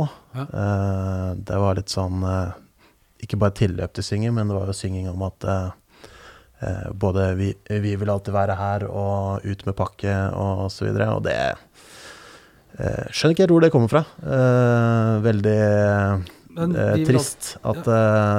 eh, det kommer, og det kommer jo også folk løpende ned trappene som skulle liksom lekse folk opp og ned. At, det, at folk klarte å besinne seg der. Det er jo et, nesten et mirakel, for det holdt jo på å smelle noe så voldsomt. Så nei, jeg syns vi eh, Det må vi lære av. Det må vi bli bedre på. Der var det mye følelser, da, så jeg tenker Ja det er ikke så rart at folk, at folk reagerer på veldig mange ulike måter i Ja. den situasjonen der. men skal de la det gå utover eh, egne fans? Nei, Det blir jo dumt, da. Men jeg tenker at uh, jeg tror uh, Jeg tror det nedrykket Det gikk inn på mange på mange måter. Og så tror jeg vi er ganske klare for å stå sammen igjen til sesong. Jeg tenker det er en stor forskjell på det med ut med pakke og vi vil alltid være her. Den vi vil alltid være her, tipper jeg en del som var med på nedrykket forrige gang, hadde med seg. Og det var noe spillerne sa etter den kampen, at det traff dem veldig, da. Å vite at det kom til å stå noen der eh, også når de møter på jobb eh, til våren. Jeg må si jeg oppfatta også Så- det til spillerne. Så hvis det var Det- det- oppfattet til Ja, folk, så tror jeg det sånn jeg Der tror jeg det var forskjellig oppfattelse. Vi hadde en eh, de debrief på det, her, Da. Det var det en del som eh, Det var en del som pekte på folka som gikk. Så eh, Og, og, og vinka til folka som gikk. Og det, det blir jo Altså, det skaper gro, grobunn, for konflikt. Så veldig leit at det skjedde, syns jeg. Det, det er klart det er mange som uh, ble jævla forbanna for det, og det forstår jeg. Åssen hadde du det, Lars? Du har vel fått vrengt sjela di opptil flere ganger rundt dette her, men Jeg var så kald, jeg, så jeg bare sto og Som en pingvin. Uh, nei, altså jeg så jo ikke at de gikk heller, for jeg står jo lenger ut på sida der. Så jeg fikk ikke med meg noe av det, egentlig. Men uh, nei, sånn jeg hadde det. Uh, jeg sto egentlig bare og veksla mellom å sippe og le, fordi at det er så jævlig absurd. Og det er det, det, er det teiteste, mest unødvendige, mest vålerengelske nedrykket noensinne. Ja. For det er bare helt unødvendig og bare teit. Så ja. Det, det var ikke noe mishagsgreie. De, de fleste rundt oss bare gikk, egentlig. For at der er det jo litt mer sånne perifere folk og sånn. Um, klappa Simon på skulderen og rista litt på huet og gikk. ses til våren, liksom. For det gjør vi. Ja. absolutt. Det er ikke noe tvil om det. Gjør det. Ja. Ses til våren. Gleder du deg? Har du begynt å glede deg? Ja, nå har jeg begynt å, begynt å se fram til det. Jeg er ferdig med det verste nå. Uh, uh, så det Jeg tror det blir gøy. Jeg, jeg skal love dere at vi vinner flere hjemmekamper enn i år. Ja, det hadde hjulpet litt. Hvis det, det må, blir to- det, må, det må Kom igjen, da. Det klart, det, det må vi Altså, Det er greit at du er forsiktig i, i prognosene dine, Lars, men det Ja, nei, jeg sier jo det. Vi kommer til å vinne flere hjemmekamper, sier jeg. Ja, er, nå er jeg framoverlent. ja godt. Nå er du positiv. Ja, ja. Det er bra. Det er bra. The Dark Lord igjen har, har våkna til, eh, til en ny vår. Agnes? Ja, jeg gleder meg, jeg. Ja? Ja, det er klart det. Jeg er klar for ny sesong. Og de blir... du prater med rundt omkring når du snakker om fotball, hva begynner folk å liksom Jeg tror folk sitter fortsatt og har litt sånn forbehold, men jeg tror vi veldig snart nå over nyttår må begynne å planlegge for alt det lættis rare Vålerenga skal holde på med fremover i Obos. Så vi må gjennom kanskje et litt tøft årsmøte først, og så tror jeg de fleste er klare for, eh, for nye takter. Det blir spennende. Det blir gøy. Uh, skal vi begynne å se mot slutten nå? Vi Har holdt på et par timer? Eh, og hvis noen lurer på om Vålerenga fotball elite eh, sløser med strømmen, f.eks., så kan vi si at det gjør de ikke. For Nei, det er jævla Det er dritkald. Ja, en, Så, ja. i- kan jeg få komme med én ting på tampen? Selvfølgelig. Vi kan sitte her til, eh, til i morgen så lenge det er noe Det er ikke sikkert folk hører på så lenge, men uh, Men vi gjør ikke dette for folk. Nei, det er sant. Men det, det kommer et uh, årsmøte. Det skal velges et uh, styre. Eh, vi veit jo at det har vært eh, Det har vært mye diskusjoner om denne valgkomiteen som sitter, og de som har trikkeligaen, veit jo at eh, det ringes til folk som kanskje ikke bør ha noe med hvem som skal sitte i klubbstyret og, å gjøre. Og mitt budskap til supportere er bare at um, det har vært mye diskusjon om det styret vi har, men jeg tror det viktigste vi kan bidra med fremover, er å finne gode folk som kan være egnet til å sitte i det styret, og at uh, det er veldig rom for å, å løfte de diskusjonene fremover. Og jeg tror at uh, noe av det vanskeligste er ikke å være misfornøyd med det som er, men det kan være vanskelig å finne de gode alternativene. Så det er sikkert mange som hører på, som kanskje veit om noen, eller kjenner noen, eller har noen tanker om folk som er dyktige der ute, og som trengs. Og det tror jeg det er veldig rom for å komme i den situasjonen vi er i. Så jeg har egentlig bare lyst til å oppfordre folk til å begynne å diskutere det, hva slags navn som kan inn, og det er ikke åpenbart enkelt. Og jeg skrev vel også i en tråd på Twitter at uh, noe av det vanskeligste er faktisk å finne damer. Så med fare for å bli dama som snakker om andre damer, så bare Det er heller ikke helt enkelt i det fotballmiljøet vi holder på med. Så navn på gode kandidater er det veldig ønskelig. Og jeg tror eh, nå må vi bruke den krafta vi har, da, til å prøve å finne finne de gode tinga som kan bygge klubben vår videre. Og hvis vi skal få til litt forandring og god stemning, så tror jeg vi må prøve å, å vri ressursene litt eh, på det. Så det er i hvert fall en oppfordring fra meg. Meld deg inn i klubben, og så spille inn navn til, til Nordbreken. For det har han bedt om. Det er godt Ja. du har sagt her. Jeg har gjort det, jeg. Ja, du, har, du har sendt inn navn? Ja, jeg sendte inn et navn. Ja. Ehm, jeg mener, altså jeg skal ikke si hvem det er, for jeg vil ikke liksom drive valgkamp på en av andre. Eh, jeg vet ikke om den personen er interessert heller, men jeg tror vi må, vi må ha inn noe sportslig kompetanse, da, for det er jo ikke i styret. Og så jeg ser at da dukker alltid opp sånne navn som med gamle spillere som vi har godt forhold til og sånn, men jeg mener at det, det er ikke nok, da. Altså du har ikke sportslig kompetanse hvis du er en tidligere fotballspiller som har begynt med noe helt annet etterpå, vil jeg påstå. Du må ha vært trener, og aller helst også administrativ eh, på en eller annen måte. Fordi du må ha noen i styret som forstår litt av de der psykologiske mekanismene som, som går i spillergruppa og sånt noe, og da, må du, da kan du ikke bare ha vært spiller sjøl, tror jeg. Ja, mulig. I hvert fall min tanke. Jeg tipper de får masse navn, jeg tror ikke det. Det er veldig mange som Jeg tipper de får veldig mange navn. Ja. Det blir spennende å se den innstillinga. Så alle til årsmøtet. Ja. Det er min oppfordring.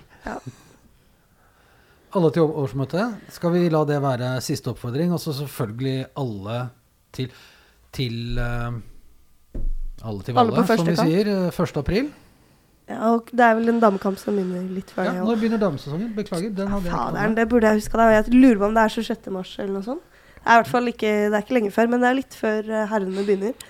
To uker før, jeg. Så det er noe å vurdere, da. Det er sesongkort på damene i år. Det vil jeg oppfordre folk til. Da får man jo Nå kan det jo hende man Nå håper jeg jo Vålerenga vinner mye kamper, da, eh, fremover. Men eh, damene pleier jo også å være en sånn trygghet å, å stole på. Så der Da er får du sportslig opptur. Ja, da får du sportslig opptur. Mm. Og mye bra tid. Og så må det nevnes at det er generalprøve for herrene i Stockholm mot AIK. Uka før eh, det er vel Vi skal til Europa, liksom. Vi skal til Europa. eh, bortetur. Eh, og jeg tipper at det kan eh, bli en eh, match av tribunekulturell interesse. Så der er det eh, Der er det trøkk. Så det kan jo kanskje bli den største kampen vår på, på mange måter, da. Så bare håper vi klarer klarer å stille med lag, da. Ja, men det tror jeg de Så mange landslagsspillere har vi vel ikke nå. Så nei, Stockholm tror jeg blir moro. Jeg skal holde dit. Og så skal jeg prøve meg på litt hockey fram til sesongstart, tenkte jeg. Ja. Bra. Jeg skal faktisk til Asker i morgen. Det er jo ikke i morgen? Jo, tror jeg i morgen. Ja. Når det neste kamp i Asker, da skal du dit? Ja, Nei, men da høres det ut som vi begynner å Så vi begynner å glede oss, da. Til Ja. Det kanskje hockey er sånn for meg ja, det, det må liksom Kom igjen da, Jon! komme litt Få din indre amerikaner ut. Før, før, før jeg orker å gå på hockey. Det er for mange kamper eh, for tidlig i sesongen som blir for uvesentlig. Men jeg kommer på noen hockeykamper etter hvert, jeg også. Og så Romjulshockey er bra, da. Det er en sånn fin måte å få litt miljø i. Altså, man, sa- det, går, det er for lenge å vente den, hele den pausen. Jeg er enig i at man trenger litt fri, men eh, det å hilse litt på folk og sånn igjen er alltid hyggelig. Da. Hockey er jo det er moro, selv om man ikke skjønner en dritt av hva som skjer. Er Jeg bare skjønner litt da, jeg skjønner litt. Jeg skal ikke overdrive, men det er ikke helt lett heller. Da. Så har vi faktisk et eh, bra lag i år. Et, eh, som eh, nå gikk 15 strake Nei, 12 strake hjemmeseiere. Faktisk. 12 strake hjemmeseiere var det vel. Ja, det er fett. Det er en sjuk ting. Det er er kontraster. Litt Det er mye kontrast. i både hockeyen og damene, egentlig. Så det Hvis du er, eh, etterlyser lokale anbefaler å spillere følge flere ting i Vålerenga. Det er mitt budskap. Hvis du etterlyser lokale spillere, så er det nok av det i Vålerenga hockey, for å si det sånn. Det er de fleste er oppvokst eh, rundt her og, og rundt Manglerud og sånt nå. Og vi har også spennende spillere. Stian Solberg, f.eks. 17 år og er ranka som det fjerde største backtalentet til NHL Yes. neste sesong. Så skal du se han, så må du nesten komme deg på kamp i år, sier du? Ja, så nå spiller han i U20-VM i Sverige. Mm. Men uh, altså, han spiller som han er 30 år gammel. Det er helt rått å se på. Så han kan fort havne i NHL, og det Det er heftig. Alle til Jordal. Alle til Jordal. Skal vi la det være siste ord i dag? Tusen takk for praten. Jeg eh, merker at eh, jeg begynner å Det, det hjalp veldig. Hjalp å prate om det. det jeg, jeg gleder meg. Nå gleder jeg meg skikkelig. Jeg tror det blir et knallår. Jeg tror eh, 2024 blir en eh, jævlig morsom sesong. Vi ses på kamp, om det blir på hockey, damelaget i Stockholm eller Egersund eller eh, hvor det er, så skal vi i hvert fall ses eh, 1. april her. Eh, tusen takk for praten.